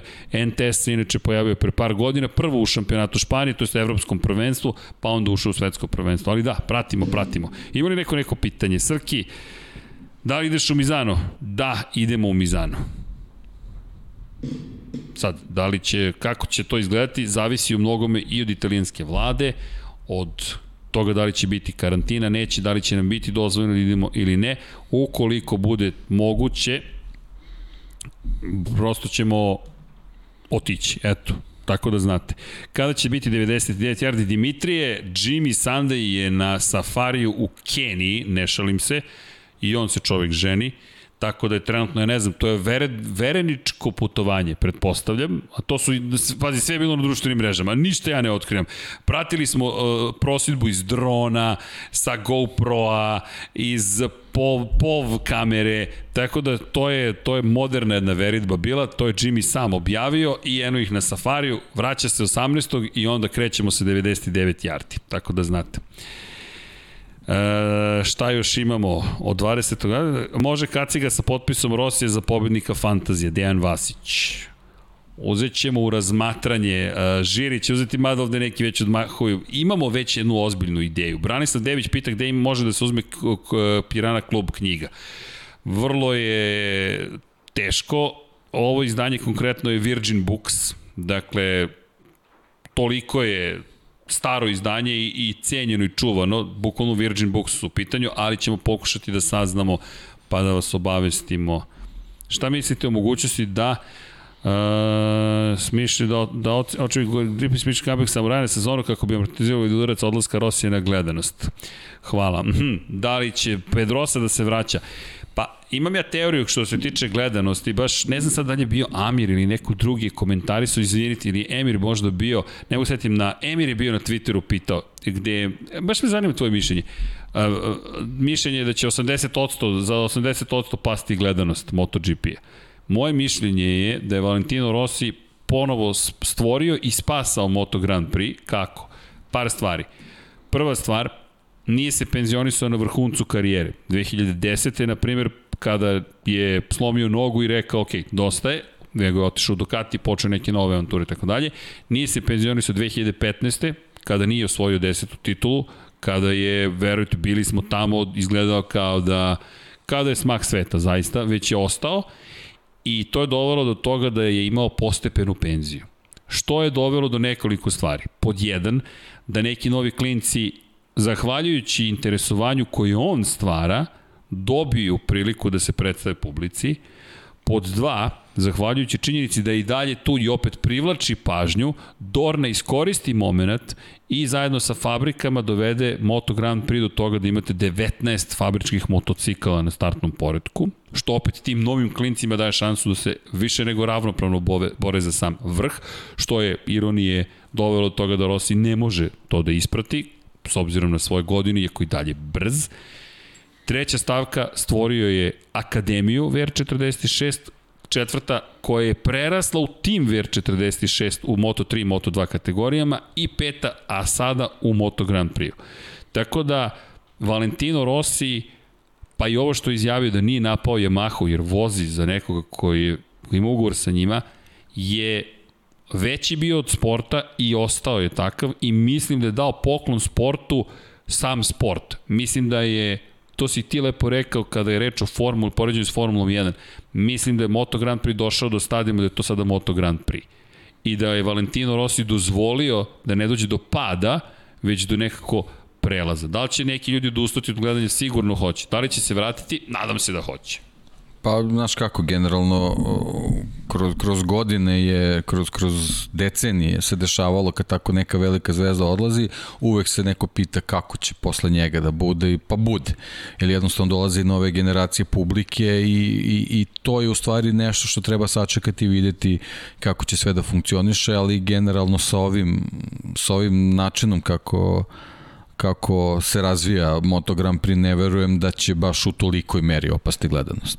Jednostavno, trke, trke su zanimljive, tehnologija napreduje kako napreduje i mislim da je to nešto što će, što će držati popularnost Moto Grand Prix-a, a sad da li će pasti gledanost, pa sad to je, to je sve uvek jedan Trumanov show. Nikad ne znaš kad se završi da li će svi izaći iz kade i počete da rade nešto drugo, ja mislim da neće. Mislim da, da je Moto Grand Prix kao koncept dovoljno zanimljiv da, da zadrže ljude koji to vole da gledaju. A zastave će žuto uvek biti tu zato što će on uvek biti tu. Pa, mi, ovaj mi, njega, mi ćemo njega sledeće godine imati u garažama. Pa da. I ono što je rekao da, Danio Pedrosi, to smo baš Dan Pablo ja danas komentarisali. E, to je bio sjajan kadar, to nismo preneli, gde na skuterima je, na skuteru je Rossi i prolazi pored Dani i kaže, ej Dani, i časkaju dva drugara Vod, tr, trkaš se, trkam se, ti, pa evo, vreme je da, da, se, da se povučem. Pa da, okej. Okay. Šta ćeš da radiš? Hoćeš se trkati? Kao, hoću. Imam još jedno 10 godina trkanja, automobili, automobili, ne znam još koji, ali vidjet ćemo. I Dani koji mu kaže, nije lako ako, ne, ako se ne budeš trkao. Ako ne budeš vozio, neće ti biti lako. Da. Mogu da zamisli kad Dani Pedrosa tako otvoreno kaže koliko njima nije lako da, da puste taj motor, da puste trke, da puste brzinu, tako da će Rossi biti tu, priča se o GT3 kategoriji nekoj, mada Gerhard Berger je rekao, Rossi mi je obećao da će razmotriti da dođe u DTM i... Pa DTM-u treba neka injekcija, DTM je... DTM je baš posrnuo. Da, da, da. Posrnuo, postoje više probni poligon ili ne, poligon generalno su, generalno su trke Formula 1. Da kažeš turističkih automobila mnogo posrnule. DTM je otišao neke, neke svoje ekstreme, postoje zaista preskup šampiona zato što su odlučili da, da naprave nešto više. Onda ovamo s druge strane izgubili smo neke VTCC šampionate koji su bili ipak ispod tih GT3. Ovo, ovo, ovaj TCR eksperiment meni iskreno se nešto specijalno ne, ne dopada, tako da ovaj, DTM-u treba tako neki ovaj, boost, sad da li je to Valentino Rossi ili nešto slično, ali, ali mislim da bi Rossi bio dobar recept da, da praktično kao da kreće od nule. A tu si da sa vozačima Formula da, 1, da. jer tu dolaze zapravo ljudi koji trenutno nemaju angažman u Formula 1, pogotovo šampioni Formule 2 koji nemaju angažman u Formuli 1, završe Ali nekako u DTM. DTM je, problem što DTM i ranije pokazivao neki vozači koji bukvalno uh, izađu iz Formule 1 i uđu u DTM, jako se teško snađu tu, tako Jest. da i, i Rosiju to baš nije, nije laka stvar za prelazak, mislim da ono što je on pričao, endurance trke, to je ipak nešto malo, malo opuštenije. 24 časa. 24 sata da ipak mogu da postupa. Pa dobro, nije lako ući na trku 24 ne, ne, ne. časa Le Mans, on ima mora, puno posla. Mora, ima puno, mora puno posla da, da odradi da bi uopšte mogu dobiti licencu. Tri da godine to. najmanje ima da se Ma, voz. svašta nešto. To je recimo Miloš može o tome da priča kako je teško doći do toga da Pro-Am. da voziš da 24 sata Le Mana tako da ovaj ipak bez obzira taj taj taj neki endurance i neki GT3 ovaj klasa bi po meni bila ok, s tim što on to već i probao i zna, tako da ono, ako već pričamo o tome, to mi je nekako realnije, ali de, za DTM bi bilo vrlo, vrlo zanimljivo da se pojavi 4.6 tamo.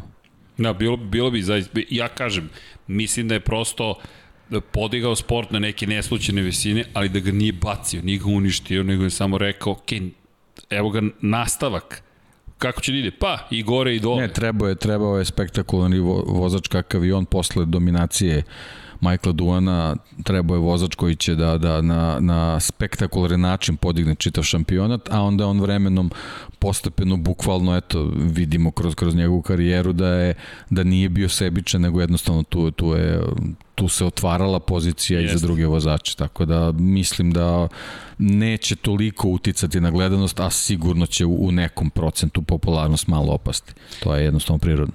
Da, evo i različita mišljenja, da li će biti i neće biti. Polako ljudi, da imamo devet još trka pa da, da uživamo da. za početak u, u tome, sve su to velikani. A Kažem i najvažnija stvar, on ostaje tu, mislim, bit će u šampionatu i to je, to je Moto Grand Prix ono što je mno, mnogo važno. Jest. Da se VR46 jest, kao takav pojavljuje tu. Jest. I to je u stvari i bio možda iz ove perspektive i pametan potez da se tim pojavi dok je on još uvek jest. tu i da, da, da ta tranzicija nekako bezbolnije prođe. Baš su složili kockice, da. jer na primjer jedna od stvari kada se uđe u, u padok. Jure se uglavnom potpisi. Sad zamisli ako ti dolaziš na trku i znaš da i dalje ima šansa da imaš šansu da nađeš Rosije negde da ti potpiše kačket, kacigu, majicu i šta god. To je večni magnet i to je nešto drugo. A istovremeno si dobio priliku da gledaš jedan prelep sport. Zato kažem, Rossi je stvarno učinio mnogo, čak i u toj post karijeri može da učini takođe mnogo. Vrlo zanimljiva karijera, koja se nastavlja na jedan drugi način. Da, ali, ali iz te perspektive njama će stvari biti najzanimljivije da vidimo kad dođu nove generacije gledalaca, kako će oni gledati na njega, a, a nisu ga pamtili Jest. kao vozač. Ali tu, to, je, to je u stvari dodatni e, eksperiment. To će biti vrlo zanimljivo za Marka Markeza naredne godine, koji postaje de facto najveća zvezda koja se takmiči. Dakle, Mark Marquez je taj koji će imati sada drugu vrstu pritiska. Inače, zanimljiv Marquez koji je pričao o psihologiji vozača i šta sve proživljavaju. Apropo i ovoga što smo videli i u tenisu, pa i u olimpijskim igrama, u ritmičkoj gimnastici, odustajanja nekih neverovatnih zvezda pod psihološkim pritiskom, gde je Marquez rekao njih dve su pokazale šta mnogi od nas sportista osjećaju, što mi je nekako pokazatelj na 2020. godinu, ali eto, Marquez će imati sada tu obavezu prema sportu praktično da povuče, ne kažem da on želi tu obavezu ili da će da je prihvati, kao što Mick Duan nikad nije hteo tu obavezu, nije mu palo na pamet da se on bavi publikom. Uz dužno poštovanje prema publici, nije on, ne, nije on bio protiv publike, ali ne, ja, to, to je nevažno, ja sam došao da pobedim, uzao sam moj pehar Pa dobro, australijanci generalno naginju ka tome da, da ih to toliko ne zanima. Njih zanima, zanima, da nekako su onako... Da se dokažu. Do, dokazuju se više sami sebi nego, Jest. nego bilo kome drugo. Ali, ali, dobro. ali, ali on I prosto, to je legitimno. Mislim, vidi, to, je, prosto on je da. takav čovek, drugačiji. Ali Tako zato je. kažem, nije svaki šampion takav šampion i to ga ne čini ni manje vrednim, ni više vrednim. Prosto ga čini drugačijim. Ali, Čekaj da možda ja ovdje imam još nešto. Ima li smisla da kazna dugog kruga u Austriji košta vozače od 4 do 5 sekundi, a na nekoj drugoj stazi od prvike 2 sekunde. Pričali smo. Nema smisla. Da. Ali ti si je najavio. Ti si bukvalno rekao da. kad smo se pitali gde je i onda kako ćeš to da izvedeš? 4 do 5 sekundi ti izgubiš. Pritom nije samo to, videli smo da se desilo i Luguri, čini mi se. Ogura koja da, je za... Jer... Ili jednostavno taka je, takav je ugao da jako je teško da, da, da ne izgubiš više vremena, a da, da, da, da prođeš bez kazne. I kažu ti, je... nisi odradio kaznu, evo ti još jedna kazna. Da. Zbog centimetar Pa kažem, dobro, da, ali okej. Okay. Okay to je opet uklapamo su te priče jest. i to je to. Ali da, to bilo bi bilo ali, bi dobro ali da jednostavno a, dugi krug je nastao posle staza, tako da jednostavno nemoguće je napraviti taj dugi, dugi krug svuda izgleda isto i jednostavno vozači baš toga moraju da budu svesni pre, pre trke koliko taj dugi, drugi, dugi krug može u stvari vremena da ti oduzeti. Sve moraš da treniraš. Sve mora da se ukalkuliše pre svega. Sve, sve. To je bitno. Da, ali se slažemo, bilo bi dobro da se nekako ipak standardizuje, da ne bude razlika duplo više vremena. Baš je... Pa ne. Kao, kao da si dobio dva duga kruga na nekoj drugoj pa stazi. Pa to kažem, znači to, treba bukvalno se napraviti neki koeficijent, neka kazna koja je jedan dugi krug na jednoj stazi, Ovde dva. to je nekoj dva. Mislim, ali to su sad dve stvari da, uh, da, koje da. trebaju da, da se ovaj, uh, raščivijaju i da, da se donese dobra odluka, ali to opet nije na nama. To je, to e, je. posle, I to je, to je, stvari, to je u stvari sad ta jedna stvar, mislim da ne zvučimo onako grubo i, i, i Carmelo Espeleta je već čovjek u godinama i on mora sad već da razmišlja o svojim naslednicima naslednicima da bi Moto Grand Prix mogao da nastavi uzlaznom putanjom koje je krenuo. Jel, pa. jel ne, ne može ni on sad da drži korak, naravno, ne verujem da on, on sad sam rukovodi čitavu priču, ja verujem da tu već postoji ekipa, ali mislim da je tu sad već vreme da se pojavljuje neko mlađi Da, da, Ali da, teško da. je zameniti takvu ličnost. Jest, Ti jest. znaš, Perni Ecclestona zameniti je bilo gotovo nemoguće. Liberty Media zaslužuje pohvale, bez obzira na sve probleme, greške i situacije koje je stvorila, koje možda nisu najbolje, ali zaslužuje pohvale. Zašto? Uzeti iz ruku nekoga koji je tako, na tako pojedinačnom nivou sposoban. De facto, on je postao tiranski sistem koji je vrlo efikasan i funkcionalan, ali zameniti takvog čoveka je gotovo nemoguća misija. Zašto? O, FOM, ja mislim da je FOM imao šest zaposlenih ili pet. Formula One Management, Bernie Eccleston, head count, da on povećava broj zaposlenih. Nije mu padalo na pamet. Njegov cilj je bio takozvani bottom line, to jest šta je konačna računica. Profits and losses. Šta smo prihodovali, šta smo potrošili, koliki je profit na kraju i to je to. Njegov tim od pet ljudi je prihodovao milijardu i milijarde dolara godišnje. To je bio Bernie. I sada dolazi Liberty Media koji ima potpuno drugačiji stil funkcionisanja. Nemaš Chase Carey nije Bernie Eccleston on je zamenjen, pa će doći neko drugi, ali to je sada smena sistema upravljanja, gde smenjivost postaje sastavni deo te priče, gde ti možeš da menjaš ljude u zavisnosti od rezultata. Bernija nisi mogao da zameniš. Carmelo je sličan. Carmelo, parking Espeletin, piše Dorna CEO. Nema imena, zna, to, to se zna se ko, ko će da parkira. Ali isto tako, taj isti Carmelo Espeleta izlazi za kup talenata severa i dodeljuje pobedničke pehare. I za kup Red Bullov kup Novajlija. To je najveći šef šefova u Dorni koji je izašao klince u 13-14 godina ne samo ne da ispoštuje, nego, ima, nego da, ima, da se zna koliko je to važno. Carmelo Espeleta lično će doći da uruči te trofeje. To je kao Bernie Eccleston da izašao da uruči za Formulu 4 španskog šampionata trofeje. Da bi stavio do znanja Ovo je važno. Inače, njegova čerka Ana Espaleta je devika koja je zadužena za kompletan program kupa, kupova Novajlija. Tako da, postoje bukvalno zamene, ali da li će sad uspeti da naprave sistem? Deki, ti znaš o čemu pričamo. Ne, sad je... što se tiče Moto Grand Prix sa sledeće godinu, dve, možda, možda i tri sezone su baš ključne vezane za tu tranziciju da vidimo kako će to da izvedu. Da, imamo dva pitanja koje se tiču podcasta broj 100 i 37 časovnog. Biće ih. Biće ih, uh, ne tražimo nikakvo opravdanje, ali verujte mi na reč kada kažem ekipu koju vidite i ekipu koju ne vidite, poslednjih 12 meseci, ja mogu sad kažem vrlo ponosno, bili su izazovni, međutim mi smo uspeli, ja se nadam da sredimo većinu stvari i da počnemo da se bavimo onim što najviše volimo, a to je da sedimo i da pričamo za ovim stolom i da se zabavljamo i pravimo zabavne emisije. Baš smo imali puno nekih, to, to sad modernim rečkom izazove.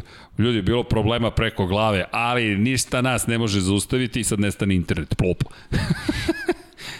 Ćuti tamo, kaže Dom Pablo. Ali da, i to nije opravdanje. Ljudi, baš smo super, šta smo sve napravili iza kulisa, šta se sve događalo, baš je bilo onako zabavno i najzad možemo da sednemo, pa nam je malo na odmoru, nemam pojma kaj je tačan datum, ali Kosmos nam se zalaufava, SN20 stiže, super heavy se priprema, ide posada prvi amateri, to jest prvi, ha ne znam, reptori se kače ku ukrasi na jelku. Jeste, 29 reptora, pa ide i četvoročna posada, 3 dana u orbitu, amaterski astronaut, a ovoga puta zaista možemo pričamo o astronautima, svašta se nešto zbiva. Da, izvolite Don Pablo, Don Pablo ne, ne nešto mi skreće pažnju, ali sve to se sad priprema, svašta se priprema i tako dalje. Kakve su prognoze za vikend? Ko, šta radi Pajče, da li mu nedostajemo? Pajče, ne može, ne, nama se ne javlja telefon, toliko mu nedostajemo. Tako da znate, to jest nekima se javlja, ali dobro, to je na vezu. Pa, e, prognoze za vikend. Hoćemo da se da odigramo. Malo. Da kažem. A da, A Kosta, Beceki, Martin. Opa! E, uprosi mi Martina. Et, da. Ali da, ja, ja idem na duplu, duplu da. dozu Martina. Dupla doza. E, ako dupla. bude dupla doza, sledeće nedelje dupla, dupla doza. Dupla doza, ali onda pijemo Martini da. ovde. Dobro. Može. Dobro, sve sa maslenicom. Protresen, ali ne meša. Agent 076. da, da, da, da, da, da, da, da, da, može, može, može, može. Tako da Martin, da, Misliš da će biti full repriza? Ma ne mislim, ali super. Super, nema veze, ne mogu sad da... A Kosta da... može, Martin, ali za dvojku... Ti si genije.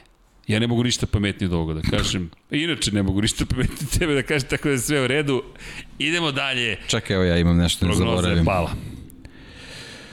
Kaže... A, e, mogu ja, Može, da ne naravno. zaboravim. Deki Andrić, da li je potrebno toliko novih uređaja u Moto Grand Prix kao kao što je taj uređaj za start, plašno se ne bude kao u Formula 1 kad se Kimira i Konen zaigrao sa dugmićima, da ne bude previše stvari koji im odlače pažnju.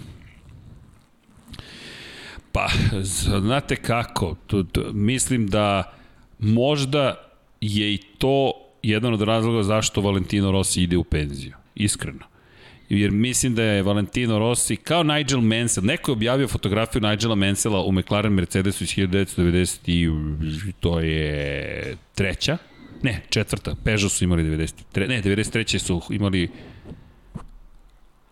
Ho, ne, Ford je bio 93. Sene je pobeđivao sa Ford Dobro. McLarenom, 94. To na McLaren kad nije mogao da uđe. Da, da 95. Nije mogu da sedne. 95. Da, da. To je počet, prva sezona saradnje McLaren Mercedesa. Znam da su, da je, da su bili tužni Mansell je stigao 95. Mansell je bio šampion 92. Formula 1, 93. IndyCar, 95. se pojavio. I šta je bio problem Nigelu Mansellu? Kada je odlazio iz Formula 1 u IndyCar, kvačilo je još uvijek postojalo kao pedala i kočili ste desnom nogom. 95. Formula 1 je već prešla na to da koristi pedalu kočenja levom nogom. Menser je toliko grešaka pravio prilikom kočenja, to jest nije mogao da Inače se... nije bio sklon greškama. Mansell imao 31 pobedu u svojoj karijeri i više najbržih krugova ukoliko me sećanje služi i od prosta i od cene. Čisto ovako ali da je grešio i jeste. Dobro, ima i par pehova na guma. Ali ima i aktivno gibljenje. Ima, a, o, čekaj sad, pa to. Pa dobro, ima i 31 pobedu bez tog aktivnog ogibljenja. Nije bio lošo. Dobro, dobro. Stvar za diskusiju. Stvar za diskusiju, dobro, ali vidi da, da, da, da, da. Okej. Okay. E, zatim, e, šta sam htio da kažem? Da, I onda Mansell koji ne može da se prilagodi tim stvarima. Iako je Mansell bio u ekipi koja je prva uvela zapravo menjač na, na, na samom volanu i, i, i poluautomatski menjače. Ali činjenica je da sada dolazimo da, do kompleksnosti koja pretvara vozače motora u pilote praktično, kao u Formuli 1. D default 7, da, ali to je, 0. to je, što se tiče motocikla, stvarno komplikovano. Jeste, jeste. Vrlo, pa kad pogledaš Mir koji dodaje gas i paralelno mora da spušte svoj zadnji kraj. Jeste zahtevno. Ono što mene više brine je ovo što si ti rekao i, me, i najviše me brine aerodinamika. Nemam problem s mehaničkim napravama, okej, okay, ali aerodinamika je postala takva da ti dolaziš u situaciju šta, da ćemo uvesti DRS u MotoGP.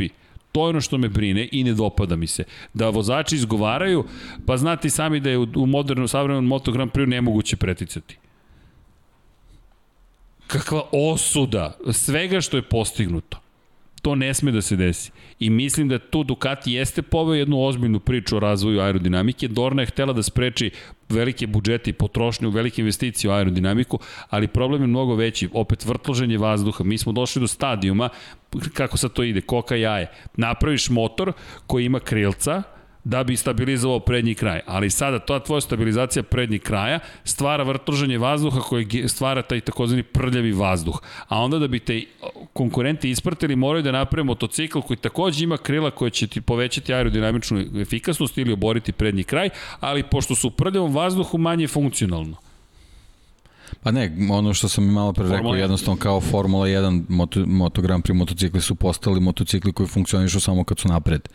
I to je, to je taj ovaj, problem s kojim može Moto Grand Prix da se susretne, ali generalno toliko su odmakli s tehnologijom, znači da, da bukvalno godinu, dve nekog usporavanja, zamrzavanja, čitave priče neće apsolutno da utiče na, na kvalitet takmičenja i mislim da je ovo, ovo u stvari, ovaj prelazni period dobar trenutak da se posvete bezbednosti da je to ono sad na čemu bi Jeste. ozbiljno trebali da, da porade, da, da stvarno naprave jedan izuzetan šampionat, jer trke same po sebi na ovaj način kako funkcionišu jednostavno ne mogu da budu loše i, i u predstojećem periodu. Tako da eto, to je, to je neko, neko okay. moje razmišljanje oko toga. Inače, Ludi nauči kaže kada se završi sezona i Rossi ode u penziju, nemaš izgovor da ga ne zoveš u Beograd. Ok, zvezda je obaveza, ali vredi probati. Ok, evo, dogovoreno. Ali, double down, zamolimo Viške i Govidaricu da pozovu Novaka Đokovića, onda da dođu i Rossi i Đoković u isto vreme. Poslaćemo Rossijevom timu, evo Novak je bio ovde, zašto ne bi Vale? Ho, uživo se rađaju ideje. Jel prošla ponoć? A nije još, tek će sada ideje da krenu da kuljaju, ali moramo tu da prekinemo da bismo ostali. Kaže, da dođe Rosti srušili bismo studiju. Ne, polako ljudi, čekajte. Pa znate koliko se ovo gradilo. Dete, sad... Ko Beatlesi na krovu. e, na krovu će da bude. A lako će da nađe jednostavne adrese. da, da, da, da, ne, da, nevjerovatno, ali dobro. E, da opet je ovo da neka diskusija oko e, Leklera i tako dalje, pa je iznervirao Srki sa nedoslednim, doslednim, sa nedoslednim doslednim kaznama u Formula 1 morao čovek na odmor. to je za diskusiju, ali dobro, pa ja smo izveli našu diskusiju, pa da ne ponavljamo.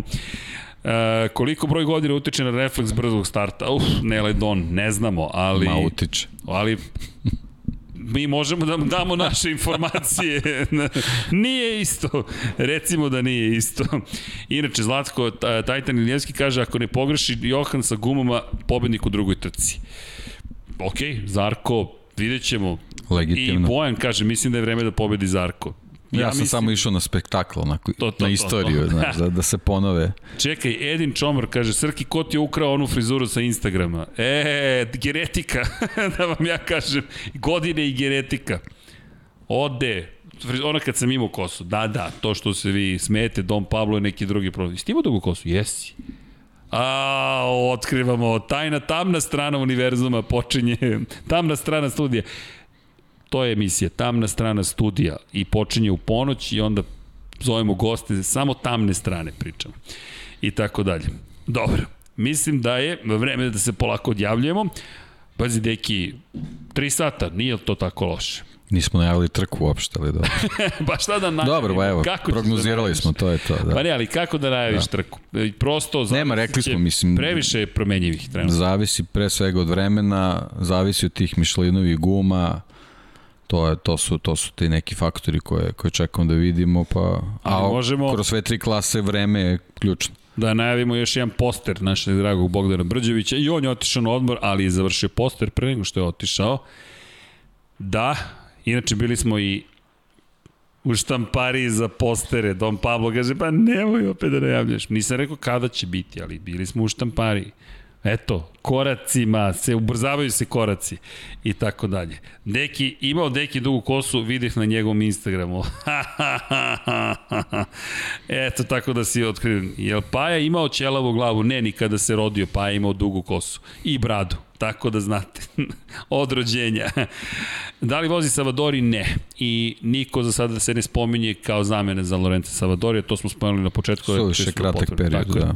Ljudi, nadam se ste uživali, kao i uvek, mi smo se lepo zabavili, držimo palčeve da ste se i vi sa nama. Lep 76 broj 119, bit će i 100 emisija, i duga emisija, i Schumacheru specijal, i jeseni, sve ćemo mi to da pričamo, i nešto smo već pripremili pozadi i tako dalje i tako bliže. Da ne otkrivam, evo nisam otkrio, nisam, ja sam sam rekao da smo nešto pripremili, sad to može da bude milijon nekih stvari, čak mi i Deki pogledao značajno. E, daj, da govorim samo na još ovo pitanje, Markezov pogled da li je otkrio? Da, mislim da Markezov pogled mnogo toga govori i mislim da smo dobili jedan odgovor, dobit ćemo još jedan ovoga vikenda i u zavisnosti od toga kako nastupi, mislim da u velikoj meri će se definisati i nastavak sezone i pripreme za 2022. godinu, tako da ćemo to pažljivo da pratimo. Vodite računa jednim drugima, mazite se i pazite se, udrite like, po neki subscribe, kupite majicu, ukoliko ste na Patreonu ili potražite nas na Patreonu, patreon.com kroz Infinity Lighthouse ovo su naši pokrovitelji, dakle Sava, Toni Ruščić, Mario Vidović, Ivan Toškov, Mladen Krstić, Stefan Dulić, Marko Bogavac, Ozren Prpić, Marko Mostarac, Nikola Grujičić, Aleksa Vučaj, Zoltan Mezeji, Zoran Šalamun, Miloš Banduka, Laslo Boroš, Đorđe Radojević, Ivan Simeunović, Mihajlo Krgović, Nenad Ivić, Nikola Božinović, Monika Erceg, Omer Kovačević, Filip Banovački, Nedo Lepanović Jelena i 11 tajnih pokrovitelja. Ljudi, hvala vam, ali zaista hvala do neba nije šala, bukvalno nam pomažete da, da postojimo, da završavamo neke stvari, da postignemo neke stvari i nadam se da budemo još bolji. Mm, Bićemo, to znam sigurno. S druge strane, majice, fenom, prelep je osjećaj, evo, juče ekipa social media team javlja na, na Love Festu devojka sa, sa Lab 76 majicom, gde je bolje, pa naravno da širite ljubav, to je tako lepo i fenomenalno vidjeti majice na, na, na, na toliko različitih mesta, ne znam šta da vam kažem osim hvala. Infinity Lighthouse.com kroz shop, to zaista jeste velika podrška. Inače, Marini, hvala još jednom za uskoro otvaramo i Radio Controlled Ferrari, pa ćemo se igrati s Ferrarijem. Gde i kako, nemam pojma, ali ćemo se igrati RC modeli su spektakularni modeli. Mazite se i pazite, vodite računa, pošaljite 1032 na 3030 ili budi human, human 1032 na 455 ukoliko ste u Švajcarskoj, gde god da živite, nešto lepo uradite večeras. U krajem slučaju, pozovite voljene osobe i recite im da ih volite, ako, ako možete, pozovite mame i recite mama hvala ti što tek tako, eto volim te, to vam je poruka iz Lab 76 i naravno vozite računa jedno i drugima i Budite nam dobri. Deki, ćemo. Ćao, Ćao svima. svima.